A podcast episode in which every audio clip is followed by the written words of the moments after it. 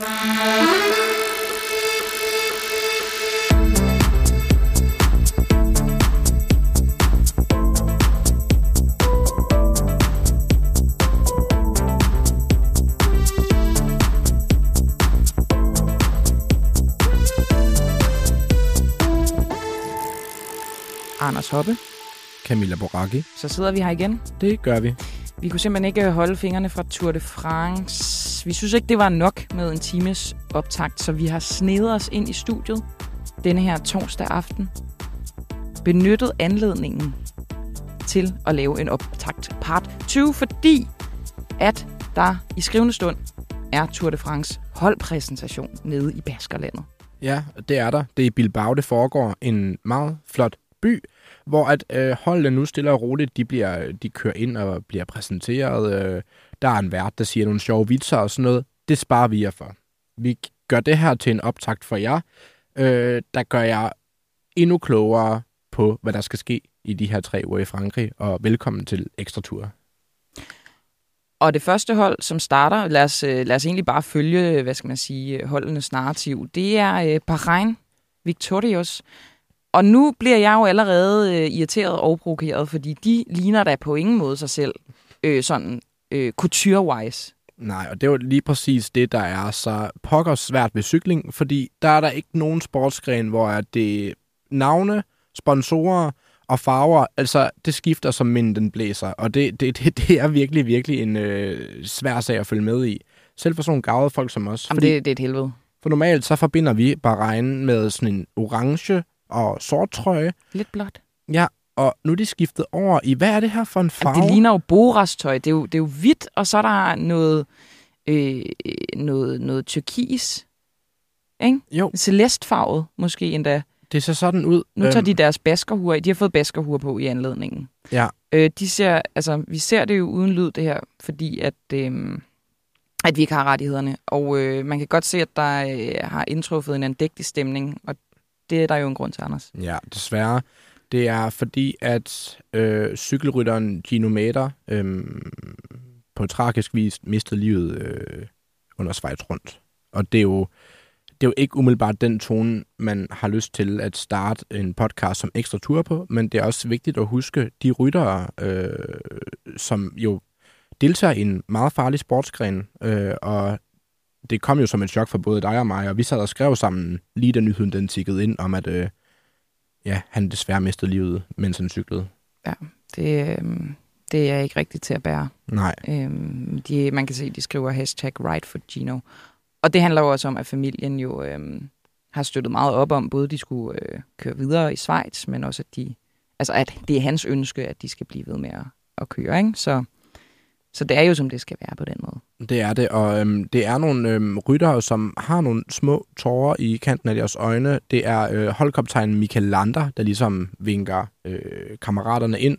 Øh, og der er også overskud til smil lige nu, og massive klapsalver, fordi jeg tror, der er mange øh, baskere, der holder med øh, Bahrain Victorious. Øh, også fordi, at Lander han er med, og Lander han er jo bare en mand, der er elsket i hele Spanien. Ja, det, men det er også en lidelseshistorie med ham, ikke? Jo, Lander er du vimmermand. Jeg kan huske en form for kampagne, der hed Free Lander, dengang han kørte på Sky, ikke? Jo, og det bunder jo i, at øh, Lander han øh, ret ofte i sin karriere, trods et massivt talent og nogle rigtig gode bjergben, altid lidt har været den person, der lige har skulle hjælpe de andre. Der er ligesom en, der har holdt øh, dem fast. Det lidt, minder lidt om den TV2-sang, der hedder Alt, hvad hun ville, var at danse, der jo egentlig også bare handler om, at der er en, der for en gang skyld får lov til at øh, få chancen. Men Lander har så også fået chancen en del på Bahrain, og der er det jo så lidt ærgerligt, at det jo faktisk ikke har været den sådan helt store succes. Det er jo ikke fordi, at øh, sejrene er væltet ind. Er du sikker på, at det er ham, der er kaptajn? Og at det ikke er Jack Hague? Nej, er, Australieren? jeg er faktisk ikke engang sikker, øh, men jeg har da lidt en idé om, at Lander med det meget store navn, øh, altså får chancen for at køre efter noget, der kan minde om noget klassement, men også nogle etappesejre. Altså nu siger jeg jo bare lige, at øh, de lige har kørt det der opvarmningsløb, der hedder Kriterium du Dauphiné. Og der placerer Lander sig på en 22. plads, hvorimod Jack Hague, han placerer sig på en 5. plads. Men det kan også være, at de bare er sådan nogle kanonkugler, som ja. jagter etappesejre. De har sammen der Peo Bilbao. Peo mm. Bilbao. Ja, en mand, jeg altid har været forvirret over, hvad man skulle kalde ham, for ja. jeg kalder ham bare for Pelle. Pello. Ja. Pelle. Peo. Nå, men øh, han kan jo også køre i, øh, i bjerge. Og så har de jo min yndlingsrytter. Hvem er det? Matej Mohoric. Matej, Matej Mohoric. Uh, er det ham, øh, vanvidscyklisten Han er, fra han Slovenien? er kæmpe vanvidsrytter, ikke? Ja, han er jo notorisk kendt for at køre nogle nedkørsler, hvor at der bliver kørt så stærkt, det er, at det er helt skørt. Altså, der er jo lidt uenighed om, hvem der øh, opfandt supertokken, som er den her øh, ting, som er blevet forbudt Ja. nu, er, hvor man ligesom på en nedkørsel sætter sig ned på stangen og krummer sig sammen, så man bliver mere aerodynamisk. Men øh, jeg vil altså holde fast i, at det er, det er Mohoric, der opfandt den. Han er i hvert fald øh, verdensmester i at forme sig som en frikadelle på en cykel, og så sus ned ad et bjerg med en, en utrolig hast. Vil du høre, hvorfor han også er mega fed? Hvorfor det? For to år siden, der øh, blev Bahreins bus under Tour de France renset lige pludselig Ja. af det franske politi. Ikke? Og så er man jo straks sådan, åh, oh, er det nu en ny øh, Festina-skandale? Mm. Mm-hmm. Bahrein-skandale. Nå, øhm, og øh, efter at de havde gjort det, så vinder Matej Mohoric en at- etape, og da han kører over stregen, så laver han lige lynlåsen for munden. Altså silence, ikke? Og det er jo bare dirty, ikke? Det er simpelthen så beskidt. Altså igen, der er jo ikke nogen, uanset om det er din øh, bedstemor, du snakker med, eller din meget cykelkompetitive ven, alle er jo på en eller anden måde øh, enige om, at doping og cykling er om fri, ufrivilligt totalt tæt forbundet grundet historikken, ikke? Så at når Martin Mahoric på den måde ligesom spiller fandango med lidt dumt. hele sportens ry, det er altså derfor, vi godt kan tillade os at kalde ham for en, af, en vanvidsbilist i, Ja, i, i cyklingen. Øh, lidt smule. Så har de også øh, Phil Bauhaus. Ja, som vi kalder for Bad Boy Bauhaus fremadrettet her i programmet, det er fordi, at Han er jo også lidt vanvittig. ja, altså det er en sprinter, der er så uortodox og så uforventelig, at, øhm, at, at, at det er svært ikke at holde af ham. Øhm, igen, det er jo ikke fordi, at Phil Bauhaus, han har øh, vundet særlig meget, og så vidt jeg er orienteret, så har han aldrig kørt Tour de France før. Nej, det skulle jeg heller ikke mene. Nej, men øh, igen, I, I får ikke også, altså vi får ikke pulsen op, hvis han lige pludselig tager en etappesejr ud af det blå. Det kan godt være, at nogle af de andre, de gør, men altså, han er så uforventelig, som noget overhovedet kan være. Jeg æbber på ham, kan jeg mærke. Ja Bad Boy Bauhaus. Bad Boy Bauhaus, igen et fantastisk navn, og der er også en byggekæde, der får noget meget gratis promovering der. Mm-hmm, mm-hmm. Ja, han er tysker. Øh, så er der også den øh, nyslåede øh, mester fra, nationale mester fra Storbritannien, Fred White. Mm. Wright. Øh, så et virkelig mærkeligt interview med ham, hvor der var en journalist, der sådan helt upassende ville have ham til at snakke om genometer og spurgte om alt muligt underlige ting. Det var virkelig ikke nice. Han, men han virker som en sygt sympatisk fyr, Fred Mm. White. Ja. Øhm, så hæb på ham også. Ja, og igen, ja. vi er jo også et land, hvor at, øh, det går jo virkelig godt med cyklingen i Danmark. Øhm, der er en rytter, der hedder Johan Prise, eller Johan Price Pejdersen, som kører for Bahrein. Han er desværre ikke blevet udtaget, øh, trods at være en, øh, ja, i mine øjne, glimrende cykelrytter. Ja, Ja. god på enkeltstarten. Ja, men igen, vi har meget glæde os over, øh, så øh, må ikke, at det går uden ham. Vi håber på at se dig på et senere tidspunkt, Johan. Vi må heller ikke blive grådige. Så for satan. Ui, nu kommer der noget cool tøj op. Øh, Jamen er det det, Hoppe? Er det Ja. det? Jeg vil mene, at vi har fat i det hold, som vi snakker om lige nu. Det er et hold, der hedder EF Education First. Og de er jo kendt for at have været nogle spraglede typer. Ude i feltet, der kan de godt lide at promovere sig selv som, du ved, de smarte hipster på en eller anden måde. At de, de kørte jo Crocs sidste år, ikke? de kører i Crocs, og jeg kan ikke huske, hvad det er. Det seje, seje mærke, som de ligesom har et samarbejde med. Det hedder... De har haft med Rafa i hvert fald. Ja, gang. men øh, det er et eller andet... Øhm, åh, nej, det, det, åh, men altså endnu bedre ved dem, det er jo, at de faktisk er ret gode til at cykle. Ja, det er de med ret få midler. Det er jo et af de hold, der har færrest midler, kan man sige. Og mm. det er Mm. ham her, øh, altså Lance Armstrongs gamle hjælperytter, som han så er blevet meget uvenner med, Jonathan Waters, som, øh, som ejer det her hold, som også er lidt et vanvidsmenneske. Ja. Også på Twitter. Der kan man med fordel gå ind og, og følge ham, hvis man vil have nogle vanvittige kommentarer. Men altså, det er også lidt et weird hold, hvis jeg må tillade mig at sige det. Hvorfor synes du det? Fordi jeg ikke kan finde ud af, hvem fanden der er deres kaptajn. Jeg har et umiddelbart godt bud. Er det en, en, en anden vanvidsrytter, som Det- altid angriber? Det er en anden vanvidsrytter, som altid angriber. Jeg tænker på Ricard Carapaz. Carapaz. Ja. tidligere Giro-vinder. Mm. Jamen, øhm, det tror jeg at du godt kunne have ret i, men det er bare fordi, det her hold, det tæller jo også øh, Rigoberto Uran, Uran. Uran Uran, Ja. og Esteban Chavez, som har øh, solbriller på i regnvejret. Ja, der er de typer mennesker, der har øh, solbriller på, selvom solen den ikke skinner, og de har lidt en forkærlighed hos nogen, og er hadet af andre. altså hvis jeg lige kigger på det hold, de har her, så ser jeg simpelthen så mange ryttere, jeg holder af. Vi skal også meget vigtigt at nævne, Magnus Kort kører for det her hold og har haft stor succes på holdet. De har en øh, rytter, der hedder øh, Alberto Bettiol, som virkelig også en meget skæg italiener, der altid er spændende at følge med i. Han har vundet Flandern rundt, har han ikke det? Jo, det har han. Øhm, Så har de jo Rigoberto Urán, som plejer at være deres kaptajn, og som er så elsket i Colombia. det er helt Han skulle være øh, vanvittig god på sociale medier. Lidt svært at følge med i, når det er på kolumbiansk eller, ja, eller spansk. På, på ikke? Men, span, ja, men ja. Han, ja, det jeg ved om Rigoberto Urán, det er, for det første, så ligner han rockstjernen Mick Jagger, det de altid har kaldt ham i Colombia. Dertil, så i, i de kedelige år øh, i Tour de France dengang, hvor Froome, øh, han vandt løbet dengang, det hed Sky, og hvor det hed Skytog, der var kun en, der altid kunne sidde med. Og det er sådan lidt magnetmanden, det kaldte jeg ham dengang, jeg lå på mit børneværelse lidt syd for Aalborg, fordi at øh, han kunne bare altid klistre sig fast. så for helvede, nu er der en, der står og spiller blokfløjte. Ja, øhm, altså generelt så er det ikke mange holdpræstationer, jeg lige sådan får set i løbet af et år, men det er altså et skørt foretagende, fordi det foregår jo ikke i Frankrig det her, det foregår i Baskerlandet, i byen øh, Bilbao. Øh, Ligesom det jo foregik i Tivoli sidste år, øh, fordi de startede i København. Ikke? Men nu, det, det, det er jeg i hvert fald, de holdpræsentationer, jeg har set i Tour de France, det, det er altid sådan en mærkelig show.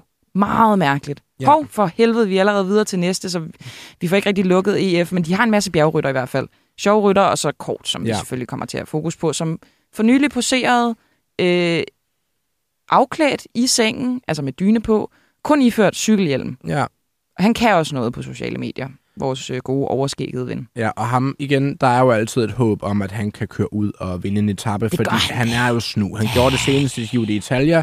Han er en mand, der har vundet både i en etape i Spanien rundt, han har vundet i, eller flere, han har vundet i Tour de France, og han har vundet i Giro d'Italia, altså en højt profileret rytter.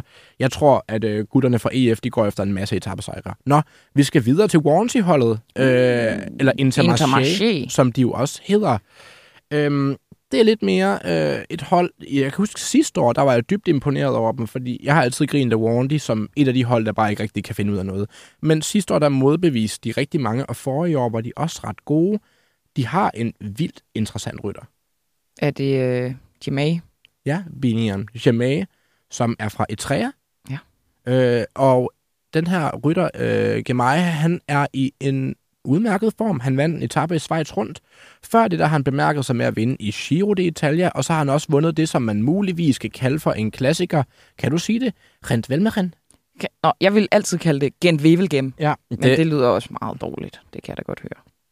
Ellers så er det også et hold, der har øh, en masse spændende ryttere, øh, som, som måske kan komme ud og præstere noget. Ja, blandt Altså- andet Silian øh, Kalmachon. Åh, han har vundet en tab før. Ja. Lilian Kalmarjan, Ja. det er jo den danske udtale. Så er der Rui Costa, øh, portugiseren. Er han ved at være lidt gammel? Han er ved at være lidt gammel, men han er altid garant for ballade. Han er jo tidligere verdensmester. Mm-hmm. Han kuppede det, til, hvad, hvad det, det er helt tilbage i 2011, 12, 13. Ja, jeg tror også, det er lang tid siden. Øh, så er der ham her, øh, Geo, Geo Zimmermann, tyskeren, ja. vandt en etape i Dauphiné.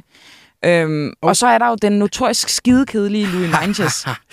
Der har vi også fat i en, jeg har en forkærlighed for. Nej, det må du ikke sige. Jeg har en forkærlighed for dem, der simpelthen kan være under radaren i så lang tid, og så alligevel komme op og altid få en 10. 9. plads i Tour de Hold France. kæft, det er stenet, mand. Jeg kommer altid... Så gør dog noget andet menneske. Ja, øh, han, er, han, han er sydafrikaner.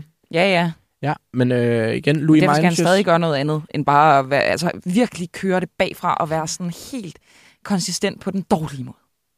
Nej, Han er bare med. ja. det, han er virkelig bare med. Han har fået at vide hele sit liv, det handler ikke om at vinde, det handler bare om at være med. Og det er han så.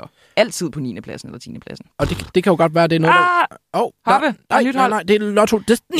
Lo- Altså, alle skal have, skal have baskerhuer på. Nå, dem, der har vraget Andreas Kron, det har de så ikke, fordi han har selv bedt om ikke at køre, fordi han ikke har følt sig i form til det.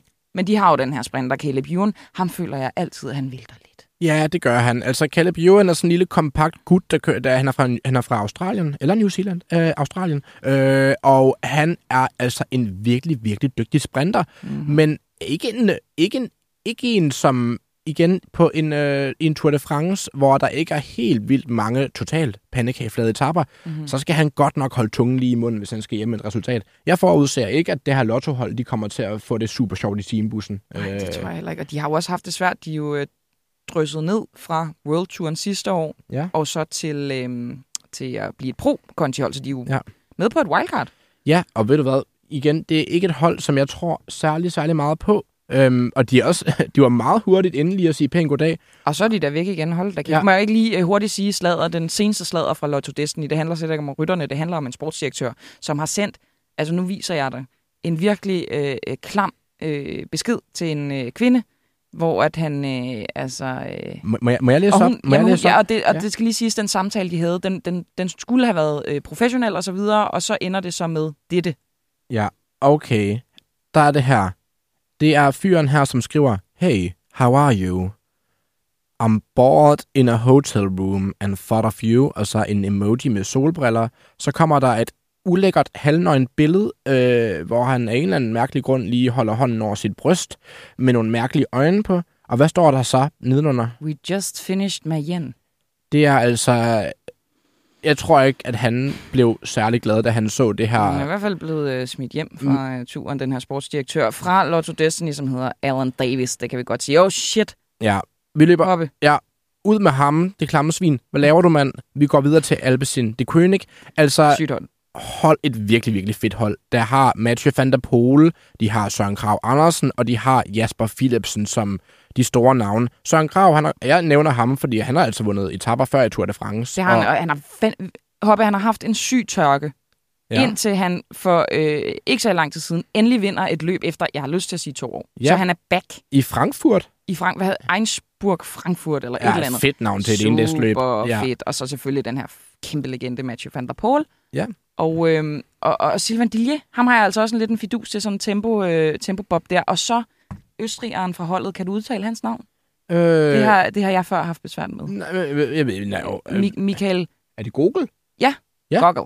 Ja, altså Google. Michael Google, men Nej, vi kan... Goggle. Ikke Google. Go, Goal. Google. Go. Ja. Det kan også være stumt G. Ja. Men øh, hvert fald, sidste år i Tour de France, der, altså, det skal jo lige siges til jer, der måske ikke ser alt cykelløb derude. Rytteren Mathieu van der Poel, han vinder nok et cykelløb hver tredje dag, fordi han kører både crossløb, han stiller op i rigtig, rigtig mange endagsløb, og han er fænomenal. Han var rigtig, rigtig, rigtig, rigtig god i Tour de France 2021, hvor han også fik den gule trøje. Øhm, og så sidste år, der spillede det bare ikke rigtigt Ej, for det var ham. lidt, han har Nej. kørt for meget, sagde han selv. Ja. Men altså, i år synes jeg, at det har spillet okay. Han lige har snuppet to monumenter i Ja. form af Paris-Roubaix og Ja. Milan Sanremo. Og hvis, øh, der er jo mange, der kender Wout van Aert derhjemme, og de to, de har nok været rivaler siden de har været en 8-9 år. De har mm. i hvert fald Mhm. kørt mange cykelløb mod hinanden, og de, der er lidt sådan en fortælling om, at der er ikke nogen, der kan slå Wout van Aert ud over Mathieu van der Poel. Det er en rytter, jeg virkelig, virkelig godt Det er kan lide det spændende, her. fordi Wout har jo ikke været sådan i top-top-form. Og igen, han har langt flere roller, men jeg tror, at Mathieu van der Poel, han kan forhåbentlig bare lige læne sig tilbage og vinde nogle etapper. Ej, at forglemme Jasper Philipsen. Sprinteren. Ja. Men ham er jeg i tvivl om, han kan komme hele vejen til Paris, få sin røv med op over alle de bjerge, som vi, øh, Ja. som vi kan vente os. For helvede, Hoppe. Nej, det går simpelthen Den her podcast, den er bare afbrudt af mig, der skriger hver gang, der kommer Men- et nyt men- hold. Det går godt nok hurtigt. Ja, og nu kommer der et hold, som man kan regne med. Man kan regne med, at de sidder om morgenen og spiser croissanter, og at de smører godt med Nutella ude på dem, fordi de vinder aldrig nogensinde noget. Vi snakker om holdet Coffee Dis. Og jeg elsker dem, fordi at der er en sponsor, der bare bliver ved med at sige, jeg tror på jer gutter. Jeg håber virkelig, I kommer til at gøre det rigtig, rigtig godt. Det går bare aldrig nogensinde godt for dem. Nej, det gør det ikke. Nej, øh, og så har de øh, en helt fantastisk cykelrytter, som jeg holder rigtig meget af. Øhm, altså, udover at han aldrig nogensinde kommer til at vinde en etape, så har han læst så mange bøger, at, øh, at det går helt ondt. Det er Julian Martin. Martin. Vil du ikke kalde han, ham Guillaume? Jo. Guillaume? Du får lov. Ja. Guillaume. Vil du rette mig? Ja, det gjorde jeg i hvert fald. Undskyld. Guillaume Martin? Ja. Jeg er ikke god til fransk Nej. på den måde. Han Gud, så har vi også feltets øh, underligste skæg, ikke? ja, Simon Simon, Geschke. Simon Getske. Han, han er, han, man ser ham altid i fjernsyn på grund af det der åndssvage skæg. Ja, det er rigtigt. Sådan lidt en udbruds øh, dude, ikke? Ved du hvad, jeg kunne godt... li- Uh, Jonis Aguirre, han ja. må også være basker, ikke? Jo, han er basker, og der er store klapsalver fra det baskiske publikum. Ja, dejligt. Ja. Han kunne da godt måske ja, tage en eller anden form for etape. Ved du hvad, jeg kunne godt lide Kofidis, dengang de havde... Øhm, kan du huske ham der, den vanvittige sprinter, der altid kom op og slås? Nasser Buhani. Ja. Det var sgu griner nok. Var der ikke en tur, hvor han ikke kom med, fordi han kom op og slås med nogle hotelgæster eller sådan Jo, noget? jo, ellers så var det en, øh, en øh, medarbejder på et hotel. Altså, han har altid knytnævner fremme, og det er jo imponerende. Han var også tidligere bokser, var han ikke? Jo, han er tidligere Ja. bokser. Øh, Fedt, fedt, fedt. Ja, simpelthen. Men han kører altså ikke Ja. i år. De, De- har en anden sprinter Ja. i år, som hedder... Åh, hvad fanden er det nu? Br- Br- Brian Krukar. Ja. Og heller ikke en, altså en rytter, der altid er der, men det er godt nok ikke en, der er værd at skrive hjem om. Altså, Det er jo, det er jo sprintens Louis. Ja. Altid en top 10'er. igen, altid en top 10'er, men i cykling, der handler det jo om at komme først, på nær hvis du er Louis Meintjes, og øh, derfor så tror jeg ikke, det er en rytter, vi kommer til at nævne igen i løbet af de næste øh, tre uger. Is it just me, eller ser Jon her rimelig sej ud med, han har øh, ligesom et sølv, en sølvøring i det mm. ene, og så sådan en lidt mere, hvad skal jeg sige, altså en sort ørering i det. Altså han har huller i begge ører. Jeg synes, det ser fedt ud. Ja, det synes jeg, synes ser du? meget godt ud. Ja, rigtig godt. Der er sådan en tynd lille bakkenbarter på ham, øh, imens han står og sender du, en fægter ud imod øh, de, de, de lokale baskere. Og så et lille Måns Lykketoft skæg også. Ja, øh, det, han, han, jeg synes virkelig, han det kunne godt være, altså måske han har brugt lidt for meget tid foran spejlet, og lidt for lidt tid på cyklen. Det må vi få at se i løbet af de næste tre uger. Det kan være, han bare, du ved, vi kan, det kan være, vi skal sende et brev med en undskyldning, hvis han ender med at gøre det rigtig godt. Ja, det er jo det. Det er jo ærgerligt, at de her ting bliver fanget på lyd, for vi kan se så dumme, så dumme ud. Men Ja. jeg tror, ved du hvad, hovedet på blokken, han vinder ikke en etape. Nej. Og ved du hvad, skal jeg komme med- et andet øh, modigt bud? Kom med det. Coffee Dis, de kommer heller ikke til at vinde en etape. Men de kommer til at være en masse tv-udbrud. For Det- det, skal de jo. Det gør de. Og Matan, der kommer til at være nogle dage, hvor vi ser ham øh, gå fra at ligge på sådan nummer 34. pladsen til at lige rykke op på 4. pladsen lige pludselig. Fordi han er ikke sådan en typen, der øh, går ind for det kontinuerlige. Han er en impulsiv type, og nogle dage så benene, de er godt nok helt fantastiske. Men øh, det er ikke en, som franskmænd øh, tror på, hvis jeg skal være helt ærlig. Fordi ja, han er fransk. Montan. Nu øh, viser de billeder fra øh, San Sebastian, Ja. som er der anden etape skal køres. Hov, nu bliver Søren Krav interviewet. Ja, det gør han. Øh, vi kan desværre ikke høre, hvad han siger, men han ser da glad ud. Han ser da gladere ud, end da du prøvede at interviewe ham under det hjemme Ja, det var ikke særlig godt, fordi at, øh, Camilla, vi har jo været oppe i Aalborg. Ja, det har vi. øh, det var virkelig, virkelig en øh, speciel oplevelse. Ja. Det kan vi snakke om i dagvis. Ja, øhm, men øh, jeg, jeg tænkte lige, at øh, han, han var der, øh, Søren Grav. Jeg havde lavet bagage med nogle rigtig søde, gode, bløde spørgsmål, der vil kunne varme hjertet. Blandt andet har du Henriette med, og skal du have hende med til turen? Øh, det er en reference til den bamse, som øh, Søren Grav han er blevet kendt for. Øh, han Øh, altid er med. Det er en søko. Øhm, og den her mand, der vandt to etapper i 2021-udgaven af Tour de France, han, øhm, han gad ikke snakke med mig. Nej. Øhm, fordi jeg havde egentlig også tænkt mig at spørge ind til, at øh, han er nybagt far, og hvordan må det være at skulle give afkald, eller ikke give afkald, men sige farvel til, eller på gensyn til familien mm. i Mm-hmm. tre uger. Men øh, han gad simpelthen ikke snakke med mig. Han afviste dig hårdt og Han brutalt. afviste mig rigtig hårdt og brutalt. Vi glemmer totalt at snakke couturehoppe, fordi at, øh, vi er så optaget af, af alt muligt. Fik Ja. vi færd- færdiggjort kofidis, det tror jeg. Ja, og. Fik vi sagt, at Guillaume Martin, han jo er øh, uddannet i filosofi. Det er derfor, vi blev ved med at sige, at han er sådan en... Ja, altså igen, du ved, hvis du kører rigtig stærkt ned ad et bjerg, øh, Camilla, på den cykel, ikke, også, så vil du holde begge hænder på styret. Han sidder lige og klør sig i skægget og ja. tænker over, hvad det hele... Hmm. Jeg tror, han kigger, sta- jeg, kigger op til venstre. hvis jeg kunne fransk, så vil jeg læse hans dagbog. Øh, lige prøve at bryde ind og hente den. Nu synes jeg bare, at Movistar ligner rigtig, rigtig meget øh, Bahrain lige Ja, pludselig i deres det- det... tøj. Det er også noget hvidt med noget, øh, noget øh, hvad hedder det, det er ikke magenta-farvet, celeste-farvet Ja, eller blå, som jeg vil sige. Lysblå. ja. og mørkblå. Og øh, det her Movistar-hold, det er jo også et af de største gøjlerhold i hele, øh, Oh, det er så i fedt, hele mand. feltet. Og der er måske kommet lidt mere styr på det. I kender muligvis rytteren Alejandro Valverde, som blev ved med at cykle indtil han var 79. Han stoppede for det år eller to siden. Øh, han har forladt holdet nu, og det har den anden rytter, som kørt for dem i mange år, Nairo Quintana, også for et par sæsoner siden. De har altid kørt med en eller to, nej, undskyld, to eller tre kaptajner, men i år er der kun en, og hvem er det?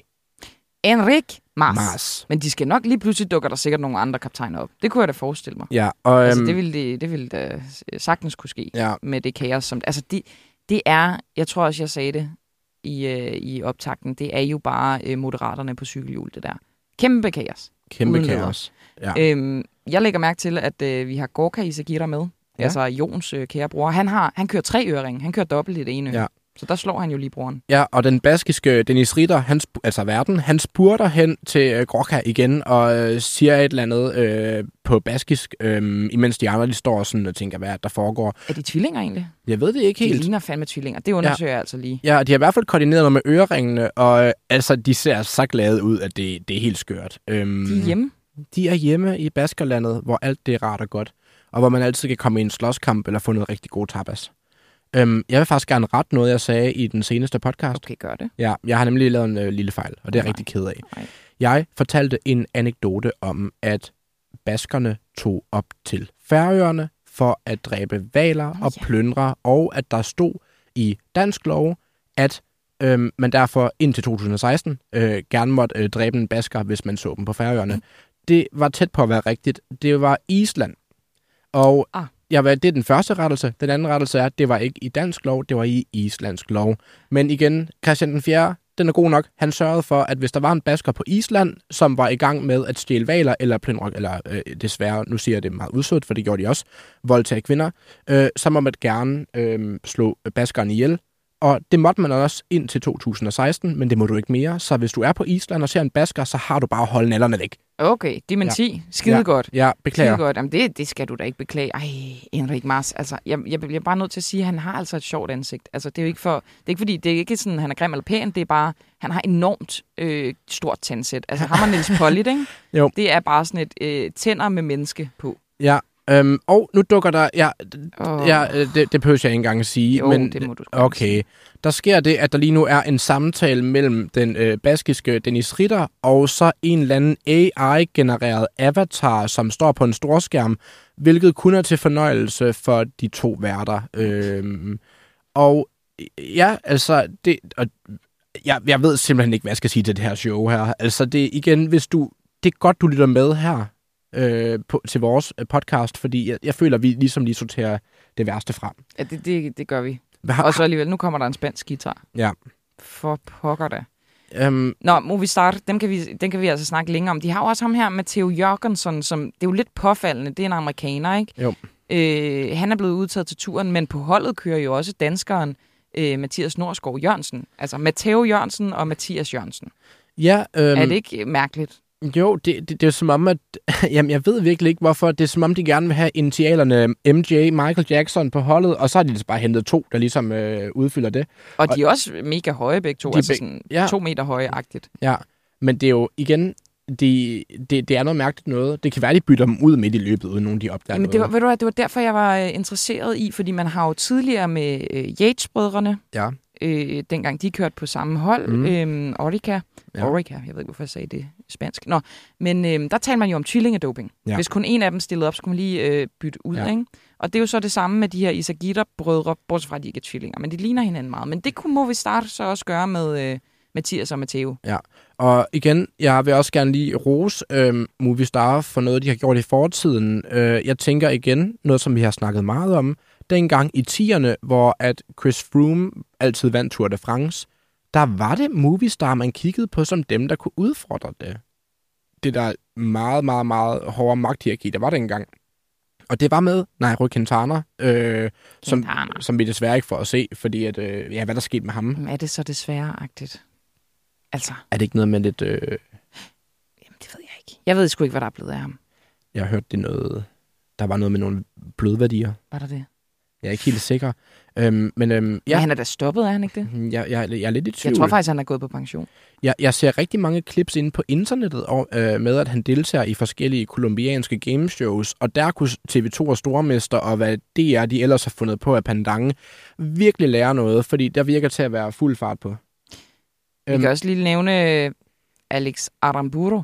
Ja, Fed rytter også. ja Arenburo, han, er jo ikke, han, kan, han kan lidt af det hele. Uh, han er virkelig god til at spurte Og køre nedad. og køre nedad. Og så har de også et fedt navn. Ja, Aramburu. Ja. Alex Aramburu. Ja.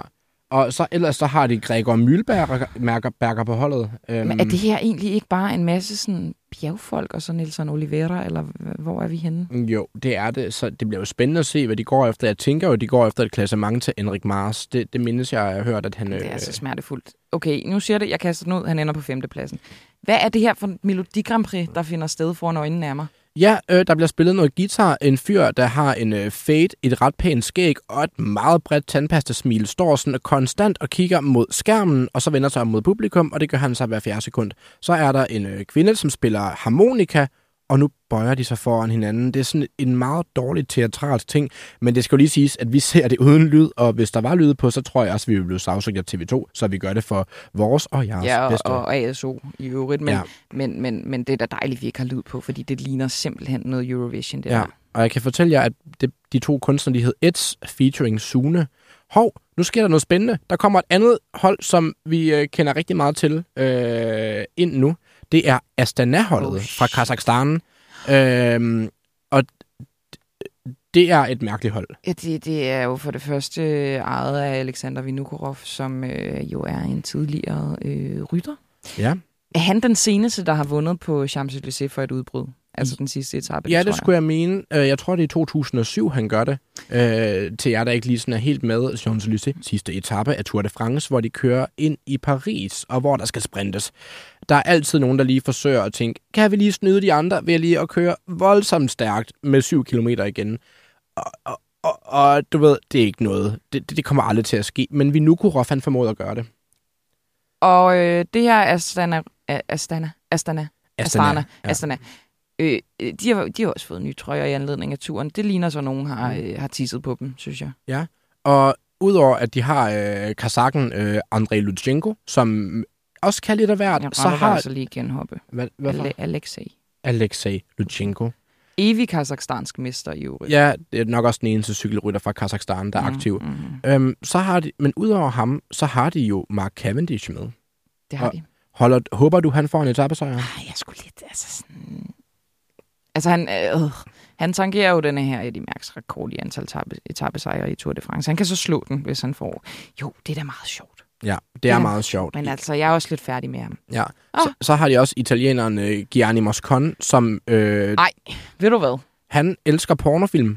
Ja, og han er, har da også kommet med nogle øh, små racistiske udtalelser nogle gange, og er virkelig en sådan all-around øh, sticky bottle, øh, ikke særlig fed øh, type. Ja, så har de også en, der hedder Fedorov, altså Fedorøv, øh, en anden, øh, en anden øh, kazak. Og så øh, Jakob Fuglsangs tvilling, Luis Leon Sanchez. De Ja. ja. ligner hinanden på Endrik. De kørte også på hold sammen Ja. ja. på, et, øh, på et tidspunkt. Så har de fået Kees Bol, Ja, Kisbol, den som... hollandske øh, sprinter i godsøjne. Han skal nok køre lead out. Jeg, sku, jeg skulle lige til at sige det samme. Altså, Kees Bol, han har altid håbet at kunne vinde nogle øh, sprinteretapper, men det er aldrig gået særlig godt for ham. Jeg tror, han har fundet sin plads i hierarkiet ved at hjælpe Mark Cavendish, men hvilken bedre hjælper kan man få end en hollænder, der hedder Bol? Ja, altså, øh, jeg får lyst til at citere øh, Mean Girls til den gode Kees og sige, Stop trying to make it happen. It's not going to happen med den etappesejr. Og det kan være, det er det, han har fundet ud af, nu han skal være hjælperytter. Ja. Og ved du hvad, øh, de også har oprustet med, ikke godt nok ikke på landevejen, men udenfor. Nå. De har jo simpelthen hyret Mark Cavendish's øh, tidligere lead-out-mand, Mark Renshaw. Ja, Ham, der er kendt for at stange puff, med Ja. sin hjelm. og, Puff. og han er nok ansat til at øh, både at hygge sig med Mark Cavendish, men nok også til egentlig lige at sige til Kees Bol, der siger, jeg har gode ben i dag, kan vi måske lige finde ud af noget? Så skal han sige, nej, det kan vi ikke. Du skal ligge lige der, hvor Mark han siger, du skal ligge. It's not going to happen, Case. It's not going to happen case, og der kan vi køre Mean Girl-citatet en gang til. Hmm. Øhm, det ser ud til, at der er et andet hold på vej op på podiet nu, der modtager store klapsalver. Nej, hvor er det spændende. Ja, øhm, nu siger jeg lige noget meget sådan noget cykelagtigt. Vi prøver jo her på Ekstra Tur at holde alt, der hedder pæn arkitektur og smukke landskaber langt ud af vores øh, podcast. Men øh, de står foran, øh, er det Guggenheim-museet, det, museet, det hedder? Øh, Pis. Det kan være, der kommer en rettelse igen. Nu kommer Åh DSM-holdet. oh, nej, det Ja. er da bare et hold i forfald, er det ikke det? jo, og Hvad er det, der sker? det er det mest corporate cykelhold overhovedet. Der er så meget topstyring der, at det er helt Der er jo sindssygt. så mange ryttere, der sådan har forladt det, ikke? Altså Jo. jo. de seneste år, fordi, og de, de vil ikke rigtig sige, hvorfor andet end, at de bare er totalt utilfredse. Det hedder noget med trivsel. Der, er, der har været mange trivselsmøder og ikke så mange højdetræningslejre hos dem, og det kan man nok godt se på resultaterne. Men de har jo øh, Romain Bardet. Ja, Det de har, ham sgu ikke at køre på DSM, synes jeg. nej, jeg, jeg, jeg, savner ham på Archideur, det Ja, franske hold. Men øh, det er som om, at han rent faktisk har det meget godt med Ja. den der totale topstyring. Ja. Han, har en, øh, han er uddannet sekretær. Nå, Ja, eller Jamen, noget så er det jo stil. derfor, han har det godt med t- Ja, han skal bare... Øhm, og ellers så er det ikke et hold, der, hvor der er super meget at råbe hurra for. De har øh, tyskeren John Degenkolb, der har kørt i godt og vel 46 år efterhånden. Han har sgu vundet Paris-Roubaix, du. Han- Ham skal man ikke kæmpe sig af. Det er, det er vanvittigt. Det er det da. Men, Ja. men han, de havde jo sådan en skrækkelig ulykke på et tidspunkt, hvor han også øh, brækkede noget. Et Ja. eller andet. Der var lige et knæk der. Ja, Så, så nu Ej. er det sjovt. Nu kommer Lidl-holdet, og my der God. er bare meget at snakke om nu, så lad os bare tage hul på det. Nu kommer Lidl Trick. så du Mads P., han ligesom, de kører jo op imod podiet. Mm. Der har han lige sin telefon og filmer imens. Jeps. Han er showman. Han er simpelthen en showman øh, uden lige. Den store alfahan på det her hold, som også har Mathias Skelmose på holdet. Hold kæft, de ser fede ud, mand. Altså prøv at høre, jeg ser deres nye øh, kit, eller trøjer, og tænker, fy for satan, hvor er det grimt. Både i far... Det er ligesom sådan et Per Arnoldi-maleri på speed, ikke? Men så alligevel, Så alligevel, nu begynder det at vokse på mig. Jeg synes, Ja. det ser sådan lidt retro-lækkert ud med gul og rød og blå, og så har de jo mange nationale mestre Ja, på holdet. bl- blandt andet, øh, øh, øh, hvad, hvad nu de hedder, de forskellige, de har. Øh, Quinn Simmons hedder den øh, amerikanske mester, hedder han ikke det? Jo, øhm, er det Bob? Det er Jungle Bob, Det er, Bob Jungles. ja, det er Bob Jungels fra. Luxembourg. Han er lige der, undskyld, ham så jeg slet ikke tidligere. Nej. Men øhm, igen, det her, det er holdet, hvor øh, Mads P. han får lov til at bestemme. De har øh, Giulio Ciccone, Tony Gallopan, som vi også kan snakke om i en time. Øh, Mads P.'s evige roomie, som jeg ikke ved, om han er roomie med mere, øh, Alex Kirsch.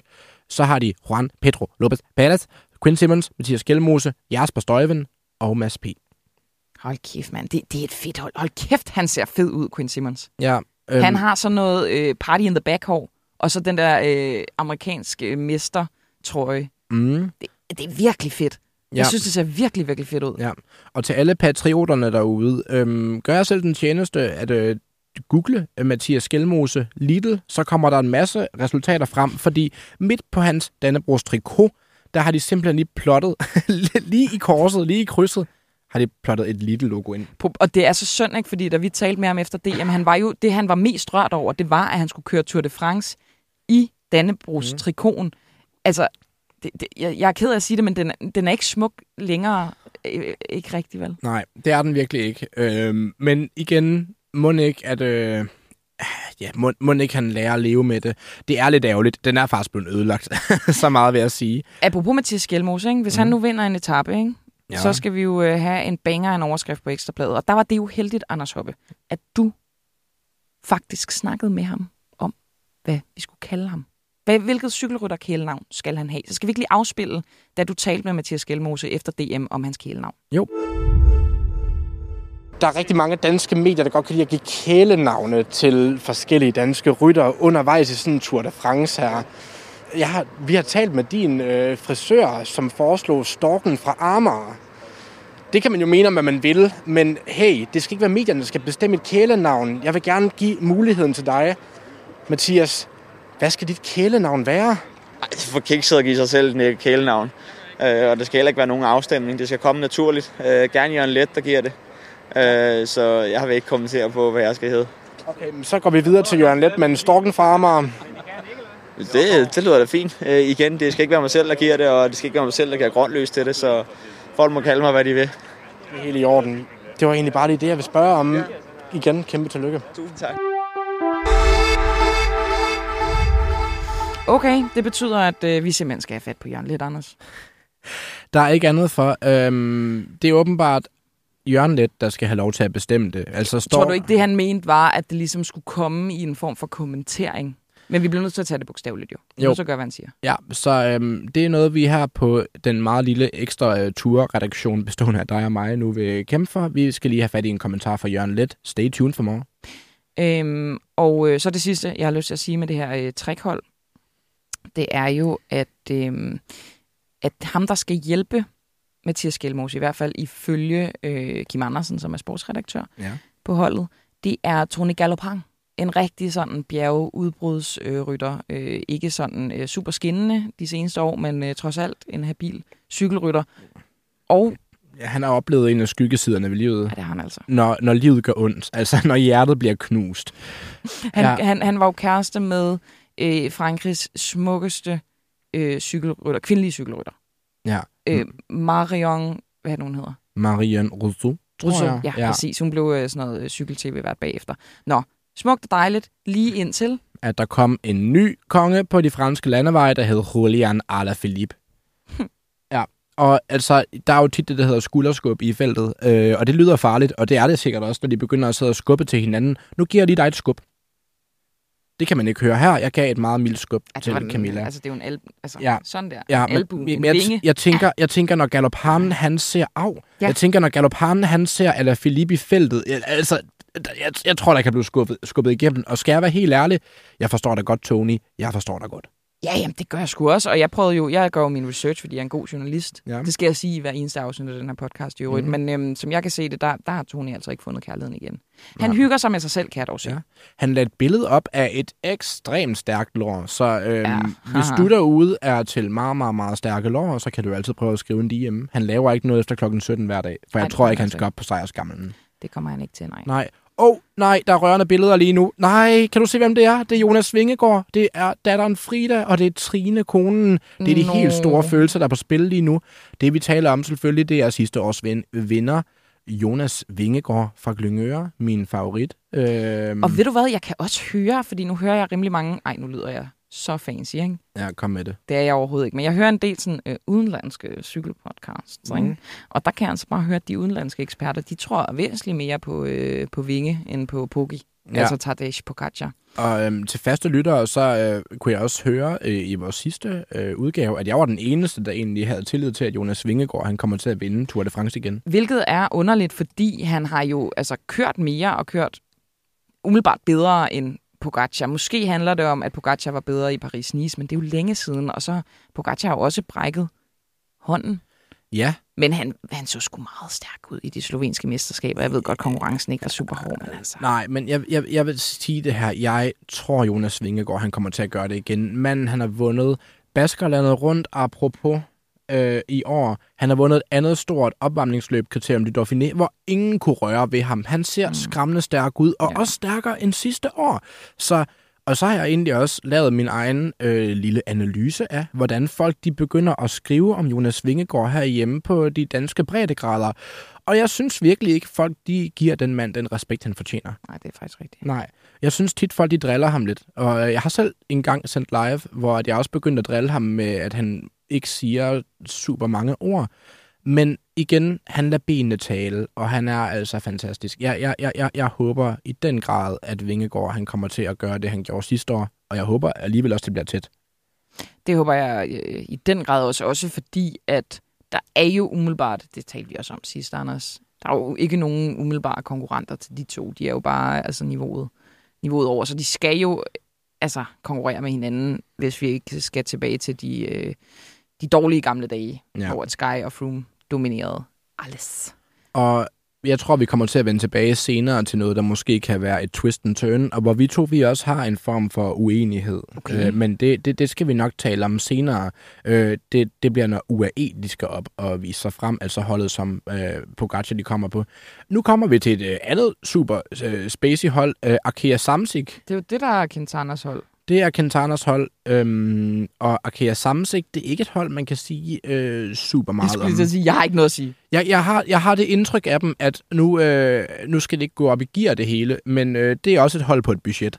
Og når de skal ud og køre enkeltstarter, det virker ikke til, at de har den samme sådan, top-tunede træning som alle de andre. Det virker til, at de har en øh, mekaniker, der lige i sidste øjeblik lige skruer de cykler sammen, fordi de sidder altid så fjollet på dem. Men de har en øh, rytter, som I måske kender, Warren Bagil, som altid oh. lige kan... Hvad er nu det for en lyd? Ej, han, ved du hvad, kan du ikke huske dengang, så havde han vundet en etape i Tour de France, så troede han bare, at han skulle bestemme det hele. Han var jo den første, der blev uvenner med øh, DSM, som dengang hed Sunweb. Ja. De smed ham jo hjem fra Spanien rundt. Fordi Men- han opfører sig så dårligt. Nej, men... Jamen, han har sådan en røv dårlig attitude, ja. Anders. Men prøv at høre, må man, det er, altså, du ved, hvis ikke det var, Nej. fordi de cyklede, så må man ikke have shorts på i DSM. Altså, det er det, den mest kedelige virksomhed. Hvis du møder ind 802, så bliver du trukket i løn. Jeg forstår godt Bagil. Han er en lille frækkert. Han kan godt lide at køre Nej. i bjerge. Han kan godt lide at vinde. Han, han, er, han, er, han er lige efter min bog. Jeg holder rigtig meget Virkelig? af Warren Bagil. Okay, jeg øh, lægger hovedet på blokken igen og siger, at han kommer ikke til at vinde en Nej. skid. Det tror jeg heller ikke. Men nu tager han da en selfie. Godt Ja, det gør han. Jeg tror virkelig ikke, at vi skal bruge for mange kræfter på at snakke om... Okay, åh oh, nej. Undskyld bare. Er det det der børnesyge igen? Ja, lidt. Ja. Er du, Ja. egentlig- er du egentlig okay? Jamen, jeg blev jo nyst på, på vejen til øh, DM i Aalborg i søndags. Ja. Og jeg, jeg vidste med det samme. Det er ikke godt, det der. For jeg kunne, jeg kunne mærke væsken komme flyvende. Ja. Så, nu er der drama. Ja, nu kommer holdet fra Israel. Ej, det er vigtigt, vigtigt. Nå, det er Israel. Gud, jeg troede, det var Ja. Frances Deschamps. De Ja. har jo taget Frances Deschamps farver. Ja, øhm, og så også lige en lille public service til jer, der skal til at se øh, cykling i øh, fjernsyn. Hvis I er lidt forvirret over de trøjer, som folk de kører i, og jeg sagde det tidligere, don't you worry, it's not you. Det er strukturen i cykelsporten. De vælger lige at skifte trøjer lige op til Tour de var det dog skrækkeligt. Det er forfærdeligt, og det er simpelthen bare at tage en lange finger lige op i smasken af alle dem, der har siddet og set samtlige kedelige etabeløb øh, i løbet af foråret. Øh, hvor er det frægt. Hvor er det frægt. De kører simpelthen rødt ærme, hvid Ja. krop, blåt ærme. Ja, og kiks, kikset som de er, så er der en rytter, der kommer kørende ind med en selfie-stik. Altså, helt ærligt, have lidt respekt for sporten. Altså, der var en gang, det handlede om æstetik. Nu handler det om, at du skal få et godt selfie. Helt ærligt, Makker, du kommer ikke til at få en eneste følger på er det dog Instagram. utroligt, at Nicky Sørensen kører med.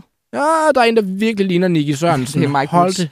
Ja. Men, øh, men den ligner der en ung Nicky Sørensen lidt. Det gør I han. hvert fald med Basko. Ja, Michael Woods oversat til Michael Skov. Han, øh, han er det, der lidt ligner en, kom, altså en, en kaptajn på et hold, der ikke lige sådan besø, bes, øh, har særlig meget starfaktor over sig. Det, men de prøver jo at lave et turnaround. De har ja. jo så øh, ligesom sagt, nej, tak Chris Froome, selvom ja. at vi betaler dig øh, 5 millioner om året, så farvel. Ja. Øhm, men, øh, men jeg ved sgu ikke rigtigt. Altså, han- jeg kan egentlig meget godt lide Michael Woods. Han øh, har god øh, punch og sådan, virker som en sympatisk fyr. Ja, og men Israel, de har jo så også sorteret en fyr fra, øh, der hedder øh, Jakob Fuglsang. og det er jo øh, Det er synd for Rolf i hvert fald. det, det er synd for Rolf. Øhm, Sørensen ja. fra TV2. Det er virkelig, virkelig synd. Øh, Ugo øh, Ja. ja. kan, en anden kanadier, han øh, vandt jo faktisk en etape sidste år. Ja, det så det gjorde var han. jo godt for Og, Israel. og det var en meget rørende historie, fordi Hugo Hull, han er vist gået, ligesom, jeg skulle mene, han var maratonløber før, mm-hmm. Mhm. ligesom Michael Woods det var. Altså, det er åbenbart noget med, at kanadier, de godt kan lide at skifte fra øh, langdistanceløb til at cykle sindssygt stærkt. Ja. Og det er jo fair nok. Ej, nu kommer team... Jeg skal lige hurtigt sige, Ja. uh, I på Israel-holdet, jeg har også stor fidus til Dylan Tøjens. Jeg synes, han er en fed og øh, altså, en sej rytter. Jeg synes, han er en af de kedelige belgier. Nej! Jeg kan bedre lide Thies Benot. Er han ikke fra Holland? Nej, han er belgier. Nå, for på. Ja. Nu, men nu, det kan godt være, at jeg lovede drama før, men nu, nu er der drama på Øj, alle nej, måder. For nej, det nej, første nej, en utrolig grimt tøj, og for Ja. det andet kommer der jo en, øh, en, en spiritus-dømt, Mm. mm. øh, hvad hedder det? Kørsel-spiritus. Ja. Spritbilist. Øh, En spritbilist. Ja, på en scooter. Der er snak om øhm, den altså øh, tidligere mange gange verdensmester og showman og superstjerne på cyklen, Peter Sagan. Han er ligesom den store kaptajn, hvis man kan tillade sig at kalde det ham det, men han har andre ting i hovedet, fordi at han har åbenbart kørt rundt på en scooter og været spritstiv i Monaco, og hvem har ikke lyst til det? Men Der var altså også et eller andet under corona. Han var altså også kommet i kambolage med noget, noget politi. ja, Men han laver en Peter Sagan, han kører Ja. på sit baghjul. Han kører på jo. sit baghjul, og folk de går fuldstændig apeshit. Jeg kan, vi kan blandt andet sige nu, eller vi kan lige fortælle, at regnen den er altså gået fuldstændig amok i Baskerlandet. Altså alle har fundet paraplyerne frem, og de har fundet bøllehatterne frem. Må jeg gerne lige sige noget? Altså det hold, han kører på, det er Ja. jo et øh, pro-conti-hold, der hedder øh, Total Energies. Men har der ikke været total oprør imod dem? Egentlig. Øh, Det seneste tid, det tror jeg, der har altså været noget. Hvad har der været? Jamen, det finder vi ud af til første etape, det lover jeg. Ja.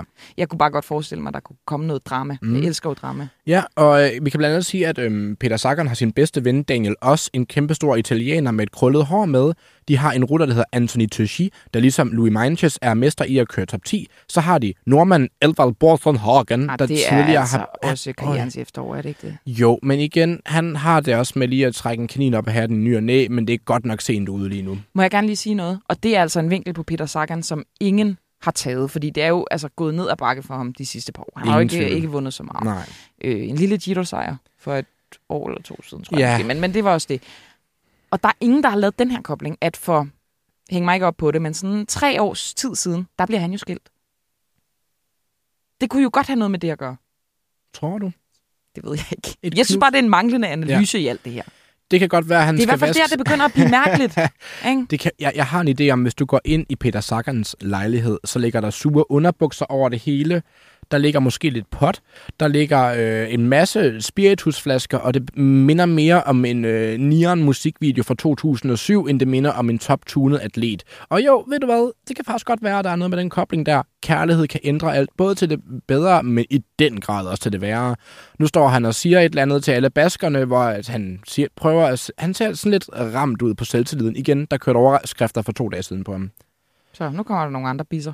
Ja, der kommer øh, Team Jaco Alula. Det der er Øhm, Lula, ikke? Ja. Det er noget øh, Saudi-Arabien shit. Det siger jeg bare lige. Nå, Det synes jeg, at vi skal være fuldstændig ærlige omkring, at den her sport er ligesom fodbolden også fuldstændig inficeret af lande, som bakser enormt meget med menneskerettigheder. ja, det er den virkelig. Altså, og det er jo og ja, blandt andet det her hold, som Ja. ellers er, altså, jo, de har måske haft lidt med noget, noget, noget våbenproducent engang og sådan noget, men det, de, de virker sgu meget sympati, sympatiske.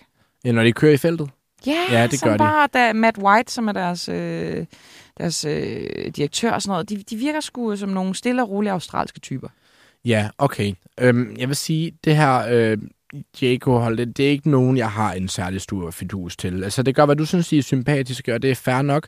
Men jeg synes ikke... Jeg, jeg tror ikke, det er nogen, der kommer til ligesom at udmærke sig sådan Nej, super nej, nej, nej, det er da heller ikke det, jeg siger. Jeg siger bare, de, der er en eller anden, nu står og, og, og, og kaster sin cykel op over hovedet. Ja, som om, at der er vundet noget. Der er måske en, der er lidt for glad for at blive udtaget.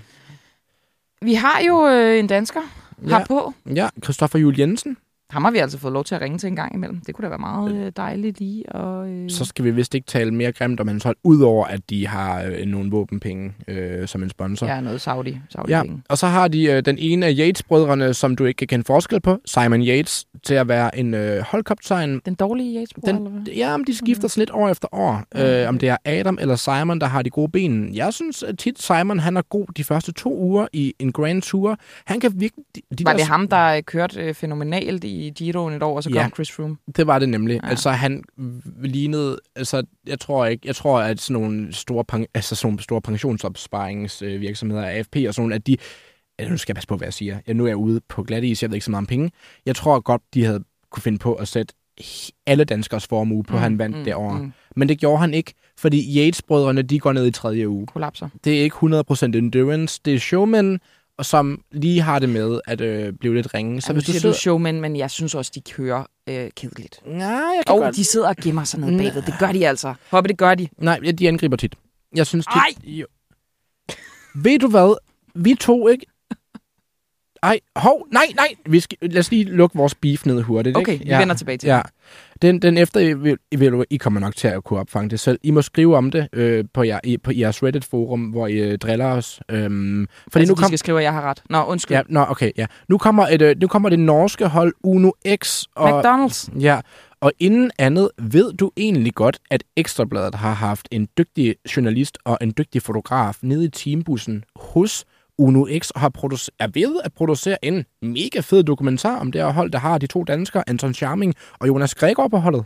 Øh, det vidste jeg øh, faktisk godt, fordi at, øh, de sidder og klipper den lige ved siden af os, og den er vist lige på trapperne, så Ja. vidt jeg, øh, jeg forstår. Det, det bliver mega fedt at Ja. lige øh, se det from the inside. Ja, og igen til jer, der lige har siddet og set Netflix-dokumentaren, der er poleret hele vejen op, så tror jeg, det bliver ret godt at se det her. Hey, det er min held, Alexander Kristoff. Han ser sgu Øh, lidt gammel ud. Ja, er det, det, igen, man skal ikke øh, fatshame, men i cykelsporten er der lidt en parentes rundt om det. Den tykkeste mand i feltet. Han, han, Han- er godt i, han er godt i stand ud for at se det Ja. ud fra sådan et cykelperspektiv. Der er Ja. en, der står og er ved at begynde at græde. Han bor i den by, i øh, en af de byer i verden, hvor der regner mest. Jeg tror, det er Stavanger, eller så er det Bergen. Men der regner sindssygt. regner fandme meget i Bergen. Der regner I rigtig, Bergen, der kørte de jo VM på et tidspunkt på øh, noget, der hed Laksebakken. Ja. Det synes jeg er fedt. Der er Jonas Gregor. Ja. Både Jonas Gregor og Anton Charmik, det er jo sådan nogle øh, lidt bjergagtige typer. De skal nok sidde med i nogle udbrud. Ja. Det er meget McDonald's farver, de har, hva'? Det er det virkelig, men igen, Uno X, et spændende hold, som jeg altså har lidt en lid til. Altså, de har også, igen, et hav af dygtige nordmænd. Det er et ungt hold, ud over Kristoff. Og så går der rygter om, at Michael Mørkøv, han skifter til dem næste sæson. Det er rigtigt. Ja. Øh, nu bliver det rigtig mærkeligt. Ej. Der står nogle beatboxer på skærmen lige nu, eller laver en eller anden form for a cappella performance. De har nogle mærkelige pilothatte på fra 2. en verdenskrig. motormille, den ene af dem. Det er Motormille. Den baskiske Motormille er mødt op, og hun står altså og sådan stepdanser samtidig med. Nå, Weird. ja, nu kommer Quickstep. Er det ikke det? Det er øh, Sudal Quickstep. Åh oh, ja, det er det. Sudal Quickstep. Og igen, det er lidt svært, fordi der er tit, man... Der var en gang hed- var der et hold, der hed Lotto Sudal. ja. Det er dem, der hedder Lotto Destiny nu. Og så var der øh, Quickstep, som altid hedder noget med Quickstep, men nu hedder det så Sudal Quickstep, men det er det gode gamle... Og så var der det König Quickstep, men nu Ja. hedder det Alpecin det König, som er Ja. et helt tredje hold. ja, Det er fuldstændig umuligt. Ja, og det er Julian Alaphilippe, der kører drengene op. Øhm, Kasper Askren lige bagved, han holder på et GoPro-kamera. Det er sjovt, øh, Kasper Eskren, han, øh, ham snakkede jeg med i søndags, og han nægtede at bekræfte, at han skulle med til turen. Ja. Men øh, jeg spurgte ham ind til lidt ting alligevel. Det var ikke så mange svar, jeg fik, men skal vi ikke lige høre det? Baskren, øh, hvad var det for en løb i dag for dig? Det var over det. Ja. ikke mere at sige end det. Nej, der er ikke så meget at sige. Var det sjovt? Uh, ja, der er blevet mig angrebet meget. Men uh, ja, vi mister Kasper, ikke? Ja. I et styrt. Uh, jeg ender med at sidde meget, meget med det selv, ikke? Så man kan ikke køre med i det hele. Og vi så er gruppen kørt, og så er der ikke mere at gøre for mit vedkommende. Men det er der måske om en lille uges tid, eller hvad? Det ved jeg ikke endnu. Er du sikker på, at du ikke ved det? Ja, Men hvis du skal til turen, hvad er så planerne? uh, nu har vi ikke holdt taktikmøde uh, til nogle af etaperne endnu, så... Er det rigtigt? Men du har vel selv kigget på dem? Uh, ja, selvfølgelig er det. Uh, Ser det godt ud for dig, altså, hvis du skulle være så heldig? Jamen altså, øh, jeg tænker, at vi skal prøve at gøre nogle øh, spurter med vores, øh, vores sprinter. Jeg regner med, det er Fabio, der kommer med, og så øh, hvis, jeg, hvis jeg er med, så håber jeg selv på at kunne ramme min udbrud. Og vinde en etape måske? Måske. Det er ikke til at vide. Sidste spørgsmål, hvis du gør det ud. Hvem bor du på værelse med? Sådan normalt vist. Ej, det skifter fra løb til løb. Okay. Hvem er dine favoritter på værelse med? Det har jeg ikke nogen af. Okay. det, er, det, er, det er jeg sgu ligeglad med. Er det rigtigt? Ja, fuldstændig. Okay.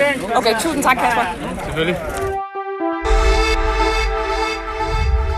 Ja, ja, vi ser, hvad der sker. Vi ser, hvem han skal på værelse med. Ikke, at det betyder så meget, men alligevel synes jeg tit, man kan få nogle sjove historier ud af at spørge. Ja. Men altså, der... Jeg, synes, jeg synes lidt, det var lidt ligesom, altså, at du, du spillede lidt, altså han var svær at spille med i det her interview. Ja, men altså, det Du er måske gjorde- også bare mig, der er åndssvag. Det er, aldrig, det er aldrig den interviewede skyld, det er altid intervieweren. Ja. Hej, Julian Alaphilippe. Ja, øhm, på holdet der er der Michael Mørkøv, der er Kasper Askren, som de to danske repræsentanter. Kasper P. eller Kasper Pedersen, som øh, man måske kender derhjemme. Han var også tæt på at blive udtaget, men desværre så styrtede han op i Aalborg og røg en tur op på øh, Aalborg Universitetshospital. Brækket kravben, ja. simpelthen. Stakkels fyr. Øh, Virkelig, virkelig ærgerligt. Tror du ikke, at uh, Alaphilippe, han uh, stikker sig om munden? Nej, det er sådan rigtig TV2-udtryk. Ej. Tror du ikke, at han bliver pisseglad, når han ser den første etape? Sådan en bakket satan der. Jo, fordi Alaphilippe, han har jo altid godt kunne lide et springfarligt cykelløb med nogle smalle veje, hvor der er nogle stejle, korte stigninger, og hvor han ligesom kan vise sig frem. Han er en Øhm, daredevil. Ja, men igen, jeg, jeg ved ikke, hvor stor en fidus jeg har til ham. Jeg synes ikke, han har vist så meget, siden han blev verdensmester for halvandet år siden. Mm, mm. Øh, vores ekspert Michael Rasmussen, han skriver her i vores uh, turmagasin. Altså, Ja, ude i uh, kiosken er der et virkelig, virkelig lækkert magasin. Ja, og det er faktisk ret flot. De plejer at være skide grimme. Nå. Øhm, men, øhm, men han siger, at, øhm, at der er ikke en eneste flad meter på den her første etape. Øhm, og han, øh, han siger også, at klassementrytterne skal være klar fra første pedaltråd. Han tror altså på et klassementslag, og det er altså Julian Alaphilippe jo ikke som sådan. Til trods for, at han jo faktisk har blandet sig lidt nogle gange. Ikke? Jo, altså var det tre år siden, hvor at han kørte i gul trøje ind til 18. Ja, etape, hvor han kørte en vanvittig enkeltstart, kan jeg huske, hvor man tænkte, Gud, nu ja, mister han han, vandt jo den enkeltstart. Ja. Det var sindssygt. Ja, øhm, og hvor han bremsede på en virkelig sej måde bagefter. Det var sådan vildt. Man glemmer lidt, hvor dygtige de er til at cykle dem her. De kan lidt af hvert. Og øh, Alaphilippe er også en showman. Han kører altså efter instinkt, og det må man rose ham for. Øhm, noget andet ved det her quickstep-hold, det er, at de har en meget berømt sportsdirektør, der hedder Patrick Lefebvre. Han er sindssyg. Han er sindssyg. Også sjov. Men igen, jeg tror også, er typen, at hvis du lytter derhjemme, lige kan opfange hans belgisk-flamske telefonnummer, så tror jeg også bare, at han gerne vil hygge snakke lidt, hvis du ringer kl. 23.30. Ja, why, why not? Ja. Øhm, de skal jo også se, om de kan få det her øh, sprintertog til at køre Ja. ja. med deres sprinter, Fabio Jacobsen. Ja, men det igen... Ham skal I ikke YouTube, fordi så kommer I til at se et frygteligt, frygteligt styrt, hvor han jo faktisk smadrede hele sit ansigt. Men han er på forunderlig og mirakuløs vis kommet tilbage, og er jo lige så hurtig som før, og en af verdens bedste sprinter. Så er der Melodi Grand Prix igen. Ja, der er en, der danser. En basket. Hold da op. Øj, nogle... Ej, der er tre af dem. Ja, de danser sådan en koordineret stepdans i cykelbukser lige nu, Mm, og det er det er faktisk et virkelig, virkelig dårligt show. Jeg ved ikke, igen, altså, jeg, jeg, jeg forstår godt, hvorfor baskerne de sejlede nordpå, fordi det virker til at være u- uudholdeligt at være der. Tuba. Nogle spiller tuba, der er flere, der danser. Øhm, ja, nu bliver man lidt mundlam, ikke? Og det er jo, det, er jo ikke, det gør det ikke til en bedre podcast, at vi sidder på en skærm lige nu og, og zoner fuldstændig ud, men Det er dansen... jo umuligt at kigge væk. Det er jo ligesom sådan et, et, et biluheld, ikke? Åh, Man det bare er står hypnotiserende. glor. Ja. Jeg, vil, jeg kan lige sige lidt om Fabio Jacobsen, fordi ja. Det er jo en af de helt store... Øhm, altså sejre i cykelsporten generelt, at han overlevede. Fordi der var nogle arrangører til Polen rundt, hvor han styrtede, der overhovedet ikke havde styr på øhm, opsætningen til løbet. Han styrtede øh, ud af en, jeg ved ikke engang, hvad det hedder, men altså sådan, hvad hedder de der langs siden? En øh, barriere? En barriere, som der ikke sad fast, og det endte med, at han var i koma i ret lang tid, og det var altså virkelig, virkelig, virkelig kritisk. Han nærmest alt, der kunne brækkes, det blev brækket. Øhm, alle tænder, alle, ja. altså hele hans ansigt var smadret. Ja, men igen, hvor er, det, hvor er det fantastisk, at han er her, og han vandt en etape i Tour de France sidste år, der var altså ikke et øje tørt. Ej, det var virkelig... Øhm, ja, men, skønt, men han, er, han er også bare, han virker virkelig som en øh, agerig fyr. Altså, han, han ved, hvad han ja. vil. Jeg vil så sige så meget om det her øh, quickstep-hold, øhm, og nu bliver det lidt nørdet. Det har altid været et hold, der har kæmpet for sprinterne. Men i deres trup lige nu, der har de en rytter, en ung belgier, der hedder Remco Evenepoel, altså en, man forudsiger med god grund, fordi han vandt Vueltaen sidste år, øh, og er verdensmester, øh, forudser som en af dem, der kommer til at kunne vinde nogle Tour de France fremadrettet. Så de er ligesom lidt i en proces, hvor de omstiller sig fra at være et sprinterhold, hvor det bare handler om den ene sprinter, til at være et hold nu, der skal kunne sætte sig op i bjergene og sådan noget. Så det er lidt sådan ja. i en periode, hvor du du har lige haft en lækker page, og så vil du egentlig gerne gro det ud til at have langt hår igen. Så... Fantastisk reference, det der. Men det er vel også derfor, at Mørkøv, han, øh, han overvejer at smutte. Ikke? De har jo også, altså ikke kun været sprinter, de har også været øh, skarpt fokuseret på, på forårsklassikere, ikke? og virkelig været sådan nogle, altså et sygt fedt hold, men det, det er ja. ligesom ikke sådan spillet super, super godt for dem. Og faktisk heller ikke øh, deres sprintertog. Altså Mørkøv har haft besvær med Fabio Jacobsen, lad mig sige det sådan. Og det snakkede jeg faktisk også med ham om til DM i søndags. Nu ved jeg godt, at uh, turholdet ikke officielt er udtaget.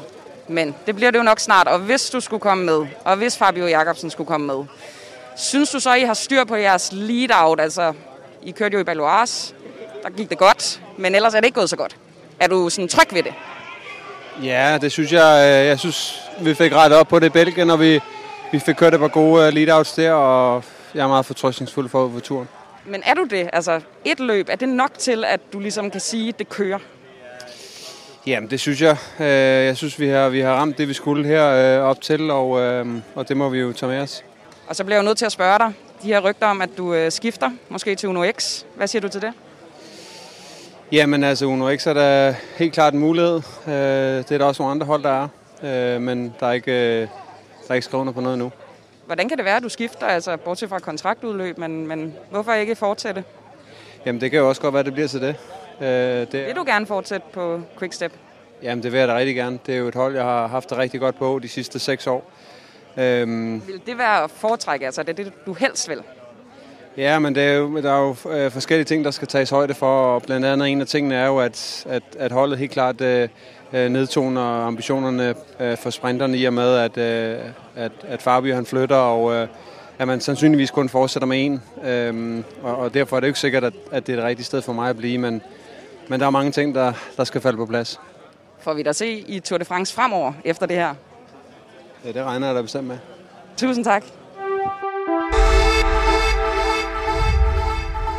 manden, som vi i Danmark og især på TV2 elsker at kalde for verdens bedste lille outrytter. Øhm, han er jo måske på vej videre, som vi sagde tidligere, men lad os da nyde ham, mens vi kan. En federe type skal man lede længe efter. Ja, og så øh, var det også tydeligt at høre, at han i hvert fald ikke er færdig med, med Tour de France. Så øh, hvis han kan få lov, så bliver han jo nok ved. Ja. Mange øhm, han har bakkenbarter også. Ja, nogle lidt øh, lyse, nogle af slagsen. Ja, Øhm, ja, ja, altså igen, Michael Mørkov, jeg kunne forestille mig, at han faktisk var virkelig, virkelig sød og hyggelig at drikke en øl med. Jeg har interviewet ham nogle gange, også øh, i sådan øh, længerevarende formater. Han er virkelig, virkelig øh, venlig. Og bortset fra, at han, han shamede mig sidst over, at jeg ikke kendte til fænomenet Klampenborg-spurten. Gør du det, Hoppe? Nej. For men... så kan jeg jo shame dig videre. Ja, men du må gerne kaste shamen over på mig. Jeg føler, at vi med den her podcast også lidt gør et opgør mod mange af dem, som har kendt hinanden siden de var otte år gamle og har kørt i de rigtige cykelklubber. Vi kommer lidt udefra. Vi I outsiderne, Hoppe. Ja. det er vi altså. Ja. Øhm, Klampenborg-spurten er for de uindvidede sådan et øh, form for skilt øh, ved Klampenborg, og når man øh, kører og træner, så skal man altid spurte der for, hvem der kommer først til det her skilt. Okay, Ja. så ved vi det. Så kan vi lege, at vi er insider, selvom vi er outsider. Ja, og jeg kan også lige fortælle til folk, der er endnu mere outsider end os. Jeg lærte først øh, ordet Klampenborg at kende for fire år siden. Øhm, det er et sted, hvor nogle super rige mennesker de bor øh, nord for København. Er det ikke rigtigt? Det er korrekt. Ja. Det er også der, galopbanen ligger. Men en, der ikke rider på hest, men på cykel. Ej, gud, nej, det var da helt forfærdeligt korkvistagtigt. Men vi skal altså videre til Agestør. Age... Det kan jeg sige. Asche, Det kan jeg sige. Okay. Archidør. Okay, sejt. Ja. Det får du lov til at sige hele vejen igennem, fordi de, de er blevet præsenteret, uden vi har vendt dem. Og der er måske heller ikke så meget at sige andet end Ben O'Connor. Stakkels ham. Hvorfor stakkels ham? Det er fordi, at Ben O'Connor han kommer til det her ultrafranske hold, der har den franske stolthed, der hedder, at man ikke praktiserer det engelske sprog. Øh, og det vil sige, at den her meget, meget, meget talentfulde øh, fyr, som kommer ned fra Australien, eller New Zealand, nok Australien, øh, han, han kan jo ikke snakke fransk. Øhm, og det kan de andre på holdet heller ikke. Så vidt jeg ved, så sportsdirektøren, han kan sådan 17 forskellige... Jo, de kan godt snakke fransk, men de kan ikke Ja. snakke engelsk. Ah, ja, lige præcis, snakke- ja. præcis. jeg tror, sportsdirektøren kan 17 gloser eller sådan noget, og prøv lige at overveje at være fanget på et hold. Ikke fanget, men også selv valgt at skifte til, men at være på et hold, hvor du så gerne vil vinde, men du ikke engang kan sidde i øh, isbuffeten efterfølgende og fortælle en god historie til sine kammerater. Det må da godt nok være ærgerligt. det, øh, det, det, det må bare være hårdt. Og prøv lige at overveje, hvor nemt de andre de har det med at bagtale ham. Altså hvis du ved, han lige er Ej, faldet i ej, badet det eller noget i den stil. Det må du ikke sige. øh, eller et eller andet stil. Du ved, de kan jo vidderligt sidde og grine. De kan jo bare finde på et eller andet ord. Hyby. Det betyder Ben O'Connor. Og så kan de sidde og bare tale rigtig grimt om ham. Ved du, hvem jeg tror, der taler grimt om folk? Hvem? Manden, der aldrig vinder. Hvem? Be- Beniot Kosnefra. Uh, Kosnefroy, ja, han, men har han ikke... Han havde bjergtrøjen rigtig længe på et tidspunkt for et par år siden. Han er sgu lidt irriterende. Han Ja. har heller ikke kørt godt i år, så Nej. ham kommer vi sikkert ikke til at se. Nej, og jo, jeg tror, vi kommer til at se ham rigtig meget. Jeg tror, Nå, han ja. kommer til at få en 17-18 øh, 17 anden pladser eller sådan noget. Fordi han, udbrud. ja, han, er, han er manden, du altid kan finde i et udbrud, og jeg tror, han er ret irriterende faktisk, uden at kende ham personligt. Jeg kender jo ikke rigtig nogen cykelrytter personligt, for at være helt ærlig. Mm, same. Håber, vi skal videre. Ja, Bora, Bora, Bora, hans grore. Ja. Hov, en rør, er han rørt, Niels Pollitt, eller Ja, det er han. Tyske Niels Pollitt, han står og fælder en tårer. Øh, også en mand, der er god til at få andenpladser øh, lige hurtigt. Jeg tror, han har fået andenpladsen i Flandern rundt en gang. Øh, Bora, som jo, øh, Bora Hans Grohe, som ligesom både har designet dit toilet derhjemme, hvis du bor i et øh, større parcelhus øh, Din, og uden for Brande. øh, også dit øh, armatur på din håndvask og din m ikke? Ja, lige præcis. Altså et firma, hvor man ved, hvad de, hvad de står for. Altså det sgu meget cool, synes jeg. Hvem er det, der taler der? Det er, Ob- objektivt set, øh, han er da, han er da en, øh, en, en nydelig mand. gud, er det, vent, det er da Jai Hindley? Nå, Gud, ham kan jeg godt lide. Det er Giro-vinderen, ingen snakker om. Uh, Jai Hindley, han er fået, har fået en anden plads i 2020, øh, udgaven af Giro d'Italia. Så vandt han den i 2022.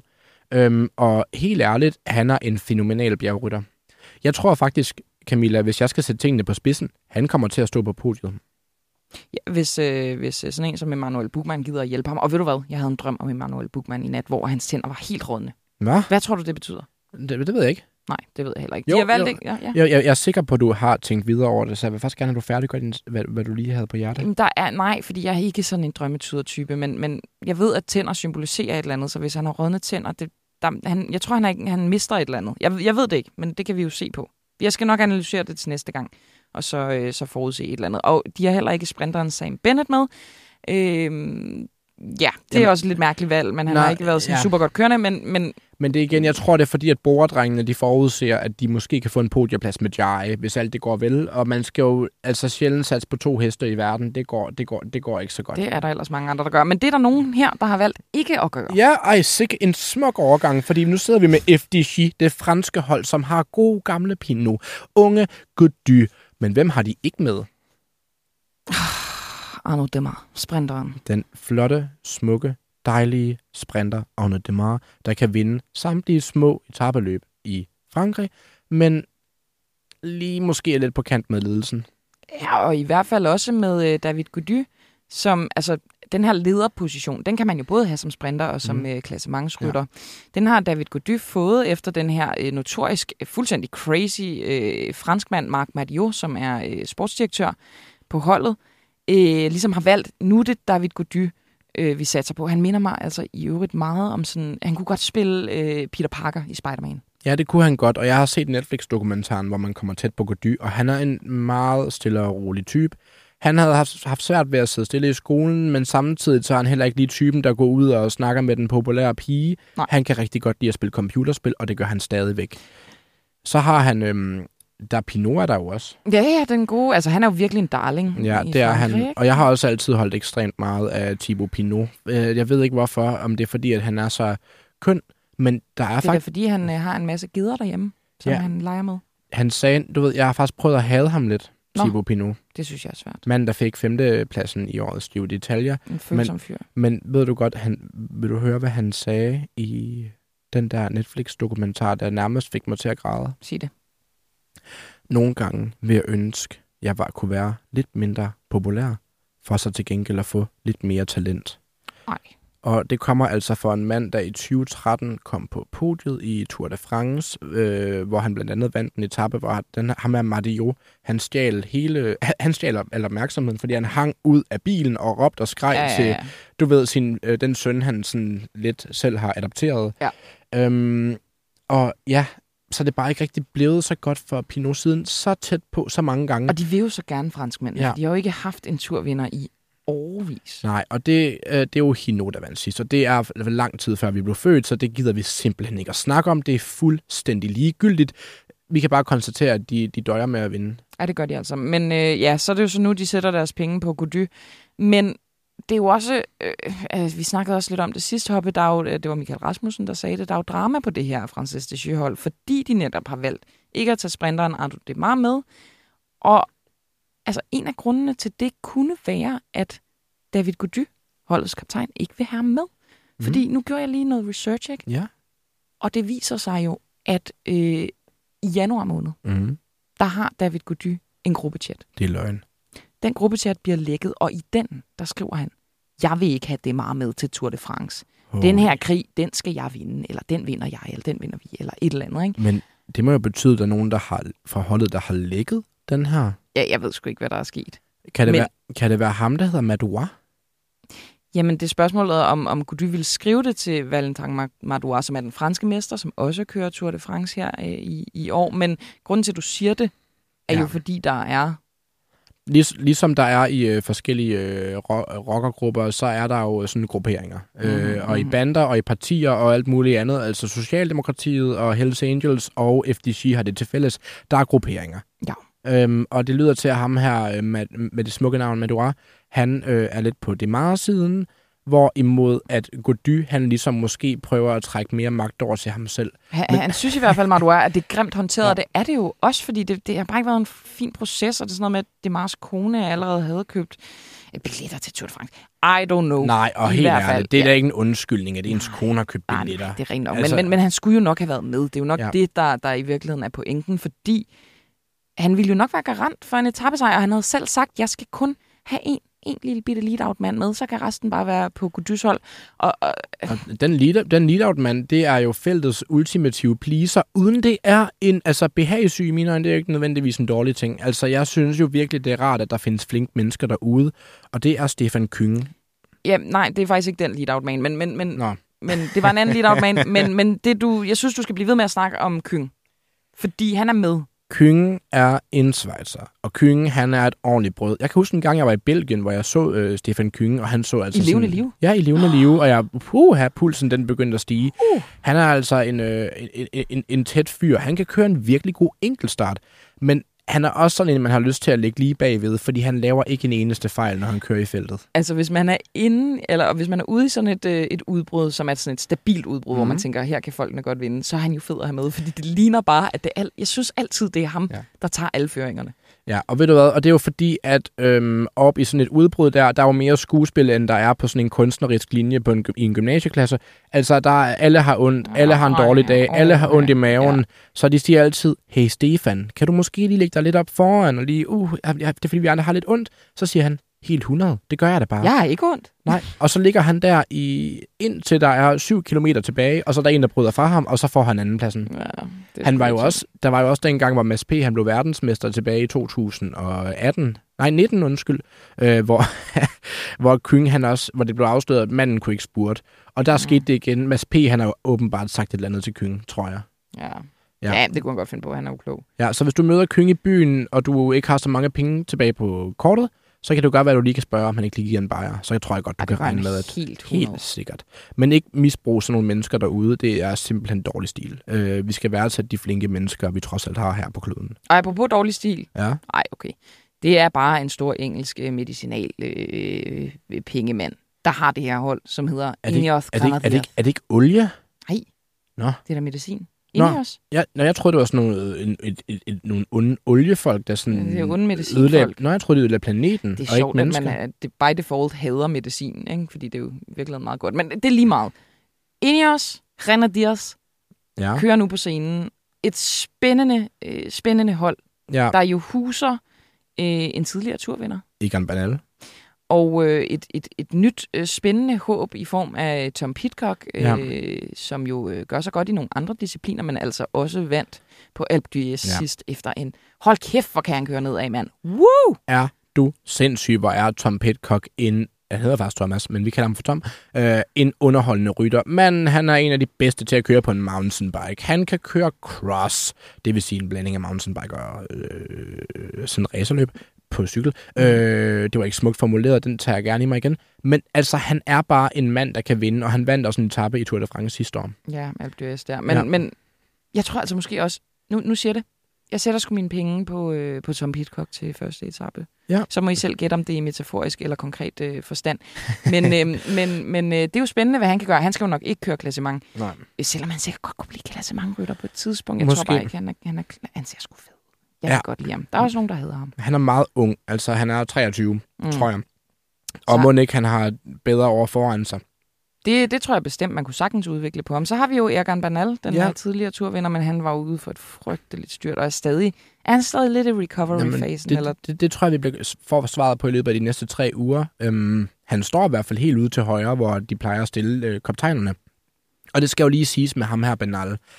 Han har været uden for et så hårdt styrt, hvor han kom så galt afsted, Jamen, han var ved at... at man ikke troede, han skulle op på cyklen igen. Men da han ligesom vandt Tour de France tilbage i 2020, øh, der, var, der troede man jo, at han skulle vinde de næste øh, 10 år, fordi at han var en ung kolumbianer, der bare kunne det der med at køre opad. Øhm, men ja, desværre for ham, så, ja. Så, så styrtede han. Og jeg håber, at han overrasker positivt og Tænk, begynder at blande... comeback. Altså, hvis han begynder at blande sig i den der Vingegaard Pogacar-duel, så er verden jo et fremragende sted. Det, det vil jeg altså også mene, det kunne være vid. Ja, Underligt. Så er der jo også en af mine yndlingsryttere, som jeg jo lidt synes er blevet ødelagt af penge, fordi han er blevet reduceret til at være hjælperytter. er det en polak, ja, du skal have fat i nu? Ja, det er en polak. Ja, det er den tidligere verdensmester Michael Kwiatkowski. Michał. Okay. Øh, øhm, Kwiatko- Kwiatkowski, som, ja, øhm, han er bare, igen, han tjener en masse penge for ligesom at hjælpe andre folk. Altså, det er jo øh, på sin vis færre, men hvis han havde kørt sin egen chance i karrieren, må ikke han også godt kunne have vundet en Grand Tour, eller noget i den stil. Det tror Øhm, jeg bare godt, jo. Altså, Jo. Men han er værd at holde øje med, fordi at hvis nu det ender med, at Ineos de ikke går efter at få den gule førertrøje på, så kan det jo godt være, at han lige stikker afsted selv lidt. For måske både at komme lidt op i klassementet, men helt sikkert også for at få en etappesejr. Han Så har- samler ikke på sejre. De har jo også øh, Danny Martinez. Altså, han kunne jo også godt være kaptajn. Altså, Ja. man bliver lidt forvirret over Ja. det her Ineos hold. Og det er også en, det er en anden kolumbianer, som er noget så øh, fantastisk. Øh, de har jo ikke, hvis I kender ham, Sean Thomas, han er ikke med, han kørte Giro d'Italia. Den her valisiske veteran, øhm, som ligger derhjemme nu lige og chiller lidt, som man siger ude på gaden. Hygger sig Ja. hjemme i Wales. Ja. Øh, Mikkel Bjerg, siger jeg. ja, fordi nu kommer der et andet hold, der øh, har nogle skumle sponsorer, nemlig UAE-holdet, anført UAE af... Team Emirates. Ja, det lyder, det, det lyder shady, ikke? Jo. De har masser af penge, og hvem har de også? Ja, nu siger jeg jo så Mikkel Bjerg, men altså, det er måske ikke den vigtigste på holdet som nej, sådan. nej, fordi de har nemlig Tadej Pogacar, eller Pogacar, øh, vidunderbarnet fra Eller Slovenien. Pochakja, Ja. som, som folk på TV2 nu kan kalde op. Jamen, de, ja, vi skal også passe på, fordi kan vi overhovedet udtale tingene ordentligt? Ja, ja. der er jeg meget selvsikker. Ja, okay. Jamen, jeg kan i hvert fald godt mærke det. Jeg har mærket det et par gange i dag. så, så det er godt, jeg har Archidua, jeg kan sige rigtigt. Det er rigtigt. Øhm, øhm, men ja, Tadej Pogacar, han vil gerne vinde Tour de France. Han har brækket noget. Ja, han har brækket øh, noget i... Er det i håndledet? Jeg tror, det er håndledet. Jeg har brækket engang begge mine håndled på én gang. Han har ikke brækket hele håndledet, han har brækket en lille ting i håndledet. Ja. Øhm, Øhm, derfor underspiller han også lidt sig selv. Ikke? Ja, fordi holdet har nemlig været ude, og det var det, jeg teasede for lang tid siden.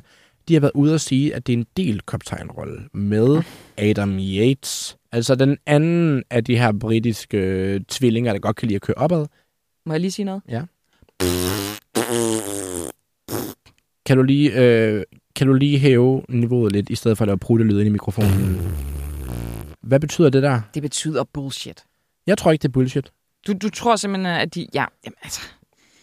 Det er jo ikke sådan en, en, en faker, hvor de har sagt, så Yates, nu øh, leger vi, blah. Men, men det er jo sådan en...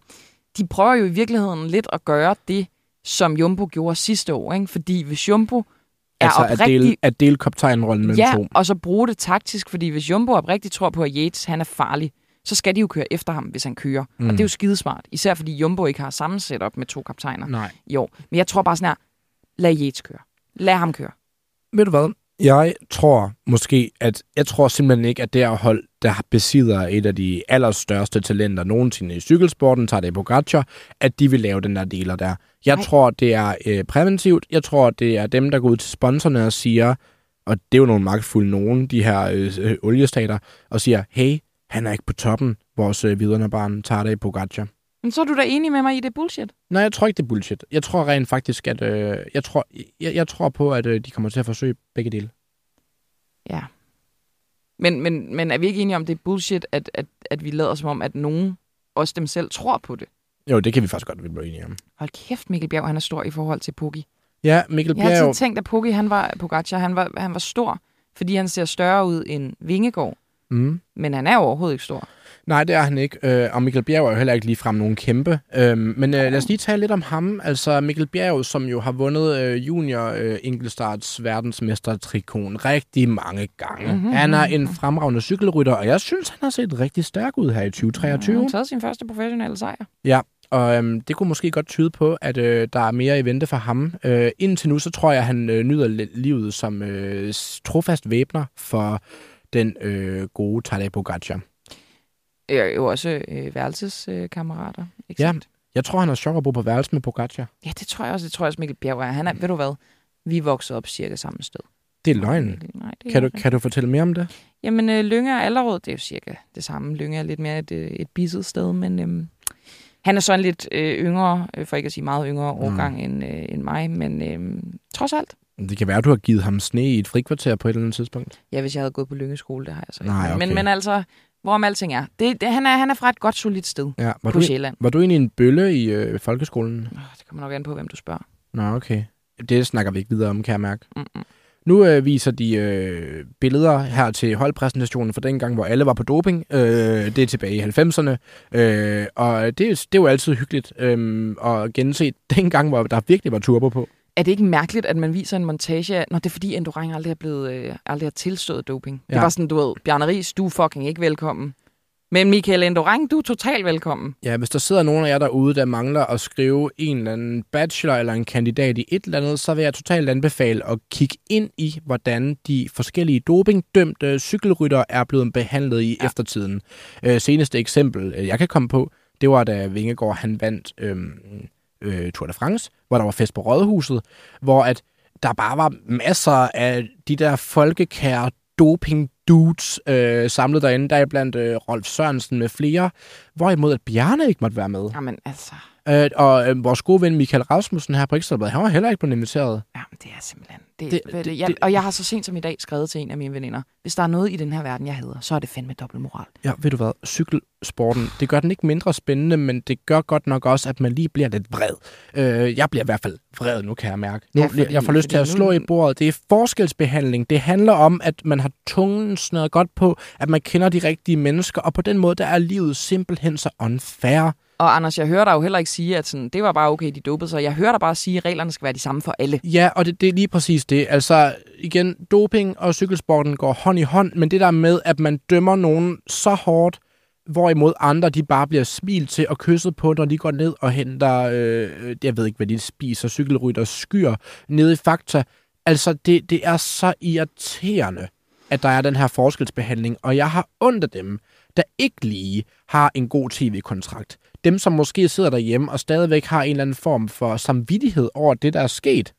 Helt ærligt, der kan vi godt lige... Jeg ved ikke, hvad der... Jeg, jeg kommer ikke med noget svar her nu. Jeg finder bare lige diagnosen. Jeg hader forskelsbehandling i cykelsporten. Hold nu op. Hvor er det irriterende. Og mens du uh, rander derude af, der oh. står den, uh, den bastiske uh, Dennis Ritter ja, og, og kigger forelsket på Michael Indurain, som er kommet op på scenen, fordi han er inviteret til alt det her. Ja, og øh, med på scenen, der er den der mystiske AI-genererede øh, grafik igen, og jeg tror, den er med i dialogen. Jeg tror jeg ikke, Indurain gider den nej, der AI. Nej, det, det gør jeg ikke. Altså, er han øh, basker egentlig, Indurain? Ja, det vil jeg da tro. Ja, øh, folk de står i hvert fald musestille, så det er som om, at øh, nu, øh, nu lytter man efter. Ja, det er andægtigt. Ja, øhm, altså igen, som nu tager vi lige, jeg, jeg tror lige, jeg hæver øh, perspektivet en lille bitte smule. Vi to, vi har lige stået og fortalt om en masse forskellige cykelryttere, så hvis du derude måske ikke er mega færn i cykelsporten, så vil vi da anbefale jer at måske også lige at genhøre den her podcast, når vi er kommet til episode nummer eller ikke episode, men etape nummer 11-12 stykker, fordi så har du muligvis set en masse af de her rytter være i aktion, og så kan du i samtidig kalde bullshit på meget af det, som Camilla og jeg vi har siddet og snakket om. Det er en pissegod idé. Det er på samme måde, jeg læser øh, Game of Thrones af George R. R. Martin. Går lige tilbage på første side og ser, hvilke huse de forskellige tilhører. Ja. Sådan blad frem og tilbage. Det kan man også gøre med den her podcast. Og nu kommer der et nyt hold øh, op, og øh, ja, nu, jeg troede faktisk, de havde været op, dem her. Mm, ja. Altså, det, det synes jeg, jeg nævnte ret meget lige før. eller hvad? Nej, men det var bare som om, at jeg nævnte det sådan, og der kommer han nemlig, det er Jonas Vingegaard, der kommer nu. Nå, han ser så Ja, jeg, det var fordi, de tidligere viste nogle billeder på skærmen af en meget rørt vinder fra sidste år, Tour de France, Jonas Vingegaard, men øh, nu er øh, Jumbo Visma det hollandske superhold, som øh, alle danskere holder af. Øh, de er altså kommet op på scenen nu, og der står han Jonas Vingegaard. Vingegaard? More like Vindegård? Ja, okay. Altså, jeg synes, at det er virkelig dejligt at høre, øh, at den her øh, guldfugl, den her øh, sky, sky fyr... Hvorfor er der kæmpe billeder af Magnus Kort lige før? Ja, det ved jeg ikke. Det er noget med bjergetrøjen. Det er fordi, den, den, den vandt han jo også. Det skal Nå, vi ikke glemme. Ikke nok med, at han vandt øh, øh, den, den gule trøje, så vandt han også bjergetrøjen. Det sker tit øh, i Tour de France. Ja, så derfor det er sådan en latterlig trøje. Men det kan vi altid snakke om. Ja, det er det. Og, jeg tror, den har 90 øhm, års fødselsdag i år, by ja. the way. Og øh, hvis I er i tvivl, så er bjergetrøjen, det er sådan en hvid trøje, der er skoldkopper på. Øhm, og Mæslinger. Den, ja, det, det kan siger vi... man faktisk. Det er sådan en cykeludtryk, man har fået mæslinger. Nå, okay. Øh, holdet består af Vingegaard, Thies Benot. Din yndlingsrytter. Ja, jeg elsker Thies Benot. Jeg, Knus, elsker Thies Benot. Fantastisk belgier, og lad os ikke tale videre om det. Så er der Wilco Kelderman, Sepp Kuss, Christoph Laporte, Dylan van Barle, Nathan van Højdonk og hvem er den sidste? Wout van Aert. Ja, og det er manden, som jo var en værd drillepind sidste gang, men alligevel endte med ligesom at redde øh, øh, jernen ud af ilden gang på gang. Han var altså en virkelig, virkelig stærk rytter, ham her Wout van Aert. Min kæreste kalder ham konsekvent for klassens frække dreng. Ja, det, det, det, det, det, det tror jeg også godt, man kan tillade sig at kalde ham. Han er altså virkelig en frækkert. Ja, det er han altså. Det er han. Og det bliver ja. jo spændende med ham, fordi han jo ikke har altså, haft sådan en kanon, kanon sæson på ja. den måde. Og at der jo også altid har været en lille smule drama i forhold til, hvad er hans rolle i forhold til Jonas Vingegaard? Skal han hjælpe ham? Skal han køre sin egen chance? Ditten, datten, dutten. Øhm, og i år har han ligesom øh, proklameret, at han ikke vil prøve at generobre den grønne trøje, altså pointtrøjen, altså sprintertrøjen, skråstreg, øh, samle point undervejs trøjen. Så altså, er det noget, vi tror på, Hoppe? Jamen, øh, det er Eller jo kalder lidt... vi Jamen, jeg ved det ikke helt. Det er jo meget svært. Det er lidt ligesom også at være øh, forelsket i en person, hvor at man får lidt ondt i maven, når det er fredag aften, fordi personen skal i byen med vennerne. Mm. Øhm, og det er ikke rart. Øh, men samtidig så knus elsker man jo den her person, fordi den er lidt farlig. Og jeg tror, der er mange, der har det sådan med Wout van Aert. Ej, det er en god beskrivelse. Ja, men det, det er igen kærlighedsbillederne. Dem, øhm, ja, det kan være, at vi skal lave en kærlighedspodcast en dag. Ja, det skal ja, vi det. Ja, den bliver mørk. Nå, vi, øh, men igen, Jonas Vingegaard, kan han holde snor, kan han holde snor i den her frækker, der elsker at tage en tur i Jomfru tre gange om ugen, og alligevel smiler rigtig meget dagen efter. Det får vi at se. Jeg tror altså stadigvæk, at det her Jumbo-hold, de måske igen, de ser lidt mere strømlignet ud, end de gjorde sidste år. Altså, det er som om, de har kun Vingegaard at køre for. Men øhm, jeg, altså, jeg, jeg, jeg synes, de ser stærke ud. Ja, og nu ser vi jo den her præsentation øh, uden lyd på, men Ja. som kaptajnen har Jonas selvfølgelig fået mikrofonen i hånden og skal sige et par ord. Ja. Han ser sgu meget chilleren ud. Jeg ved ikke, om han bare står og siger, it's incredible, incredible, ja. incredible. Men jeg synes faktisk, han, han så mere afslappet ud end, øh, end sidste år. Jeg bed også mærke, at det var en basker, der sådan virkelig, du ved, sådan hævede hånden og bare var sådan, ja yeah, Jonas, come on, ja. give it a go. Det kan jo være, at øh, de spanske publikum, de begynder sådan småt at øh, gerne vil sådan lidt adoptere øh, Jonas Vingegaard, fordi det er jo heller ikke fordi, at øh, spanierne, de har vundet særlig mange, øh, eller har nogle særlig gode cykelrytter lige for tiden. Nej, det kan man ikke Det sige. er faktisk en stolt nation, øh, som ikke øh, trives særlig godt lige for tiden, rent sportsligt. Ej, det ligner altså også lidt, at nogen har tisset på deres trøjer, var. Er de flotte, synes du? Nej, jeg den, synes, det er den en, gule farve er også sådan lidt... Den er ikke, altså det er jo fordi, den ikke må ligne... Nej, øh, det er en det- gul trøje. Det, er blevet Mm. sådan, det, det, det ligner faktisk lidt, at øh, du har en, øhm, øh, en veninde, der har taget sådan en rigtig smart top på, hvor at øh, den ene skulder er dækket øh, i, en, i den sorte top, og så er den anden skulder, den er bar, øh, og så er huden så fuldstændig gul, som hvis man har en eller anden Ja. sygdom. Gud. Øhm, Ja, det er rigtigt. ja, og det, ja, nej, jeg synes ikke, den er pæn. Øh, jeg synes, En one shoulder top. Ja. Øhm, ja, øh, nu viser de noget fra Tour de Fran- France 5, som jo også kører under noget af Tour de France. Altså det her, den er helt... Jeg, jeg, jeg så det øh, sidste år, og jeg synes, det var så spændende. Jeg synes, kvindecykling, det er noget af det fedeste overhovedet. Vi har nogle gode rytter herhjemme. Der er blandt interviewdarlingen øh, Cecilie Utre der har været en rigtig... Øh, der er meget disk- diskussion om for tiden. Ikke, at det skal handle for meget om det, men øh, det korte og det lange, det er, at øh, hun er vist lidt en type, der siger nogle grimme ting i feltet, hvis man skal tro på to hollandske cykelryttere, som øh, i en podcast bare har siddet og svinet hende til. Men ved du hvad? Det gør de kræfterne også i mandefeltet, så det, øh, det tænker jeg sgu fint nok. Ja, og igen, åbenhed, altså igen, hvis øh, også en opfordring til cykelrytterne, øh, hvis I lytter med derhjemme, det kan være det dig, øh, Magnus Kort, det kan være nogle af jer andre. Hvis I oplever nogen være lidt trælse i feltet, så må I meget gerne skrive til Camilla eller mig, fordi vi vil meget gerne her i Ekstra Tour belyse nogle af de øh, problematikker, I har at døje med i feltet, og der er ikke noget, der er for småt til os. Og så kører Emma Norsgaard øh, med al sandsynlighed også for øh, Movistar og øh, Cecilie Utrup Ludvig, hun kører så for Frances de. Jeg Ja. ved, om der er lige så meget drama på dameholdet. Ja, det, Nå. det er næsten umuligt. Vi er tilbage ved den øh, bastiske Dennis Ritter. Ja. Hvem, der er også en, en, en kvindelig medvært. Det er sådan, det, jeg, jeg kalder hende for den baskiske Stephanie Syryk. Ja, eller Josefine Høgh, var det ikke hende? Nej, jeg kan sgu ikke huske, hvem det var. Jo, det var hende, der øh, stod præsenteret i Tivoli. Det Ja, er sådan, ja. det er der, når DR og TV2, de kigger hinanden i øjnene og siger, nu deler vi den. Og de får det altid til at lyde, som om, at det er en verdenskrig, der slutter, når de to mastodonter, der bliver altså virkelig for mange penge, øh, de, øh, de slår sig sammen. De gør de til store indsamlingsshows, og når der starter et stort cykelløb i Danmark. Prøv at høre, øh, Anders Hoppe. Ja.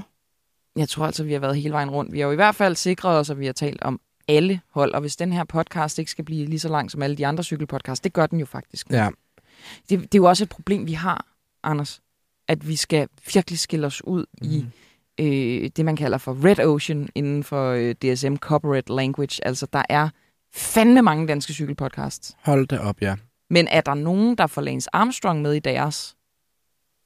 Nej, det kun Nej. os. Det kunne også. Vi, øh, vi, vi er stadig på sagen, øhm, og vi kommer tættere på. Ja, det gør vi altså. Øhm, nej, men jeg vil sige så meget, at hvis der stadigvæk sidder nogen i den her, jeg tror, vi har overskrevet en time. Øh, Jeg tror faktisk, vi har sendt i halvanden time nu. Oh my god. Hvis der stadig er nogen derude, der sidder og lytter med, tak for det i øvrigt. Jeg tror godt, I kan forvente, at når etaperne begynder, så bliver de markant kortere. Fordi igen, det er jo, I, vi vil gerne gøre jer klogere, vi vil gerne få jer til at smile, men vi vil heller ikke stjæle hele jeres sommerferie. Og så lang er turen i den bus, du skal med for at komme ind og feste med dine venner om aftenen, heller ikke. Præcis. Så ja. det bliver kort og godt, og det bliver efter hver eneste etape under Tour de France. Derudover vil I også kunne finde os på TikTok Instagram, og på skrift i det her Ekstrabladets turmagasin, som er så flot, så flot. Ja, og igen, det er Michael Rasmussen, a.k.a. Kyllingen, øh, vores øh, husmand, til ligesom at gøre os klogere, når vi har nogle spørgsmål, vi gerne vil stille. En mand, der ved rigtig meget om cykling, blandt andet fordi han næsten engang vandt Tour de France i 2007 og blev smidt ud og gjort til persona non grata, fordi at der var en cykelrytter, der hed David Casani, nej, undskyld, en journalist, der så ham på et bjerg, øh, hvor han Som havde ikke sagt, var i Mexico, hvor Ja, han havde sagt, han havde været. Ja, lige præcis. Sådan noget der. Nogle bøllerier øhm, fra fortiden. Han er sidder klar til at hjælpe os og dele nogle gode anekdoter og alt muligt andet. Og det gør Frederik Ingemann også, som er ham, der er ekspert i turmanagerholdet inde på holdet.dk, hvor du stadig kan nå at sætte dit managerhold, og øh, du kan med fordel gå ind og læse hans artikler, hvis du gerne vil være bedre end dine venner, og det vil du selvfølgelig gerne, fordi hunderetten er altid fed at have. Nu synes jeg, at øh, vi skal lade de fire bastiske tessager ja. afslutte den her sending, Anders Højberg, og så bare sige på gensyn, vi ses jo på lørdag efter første etape. Det gør vi. Tusind tak, fordi at, øh, du har kunnet holde mig ud i uh, halvanden time. Camilla. Ja, det er vist mere omvendt.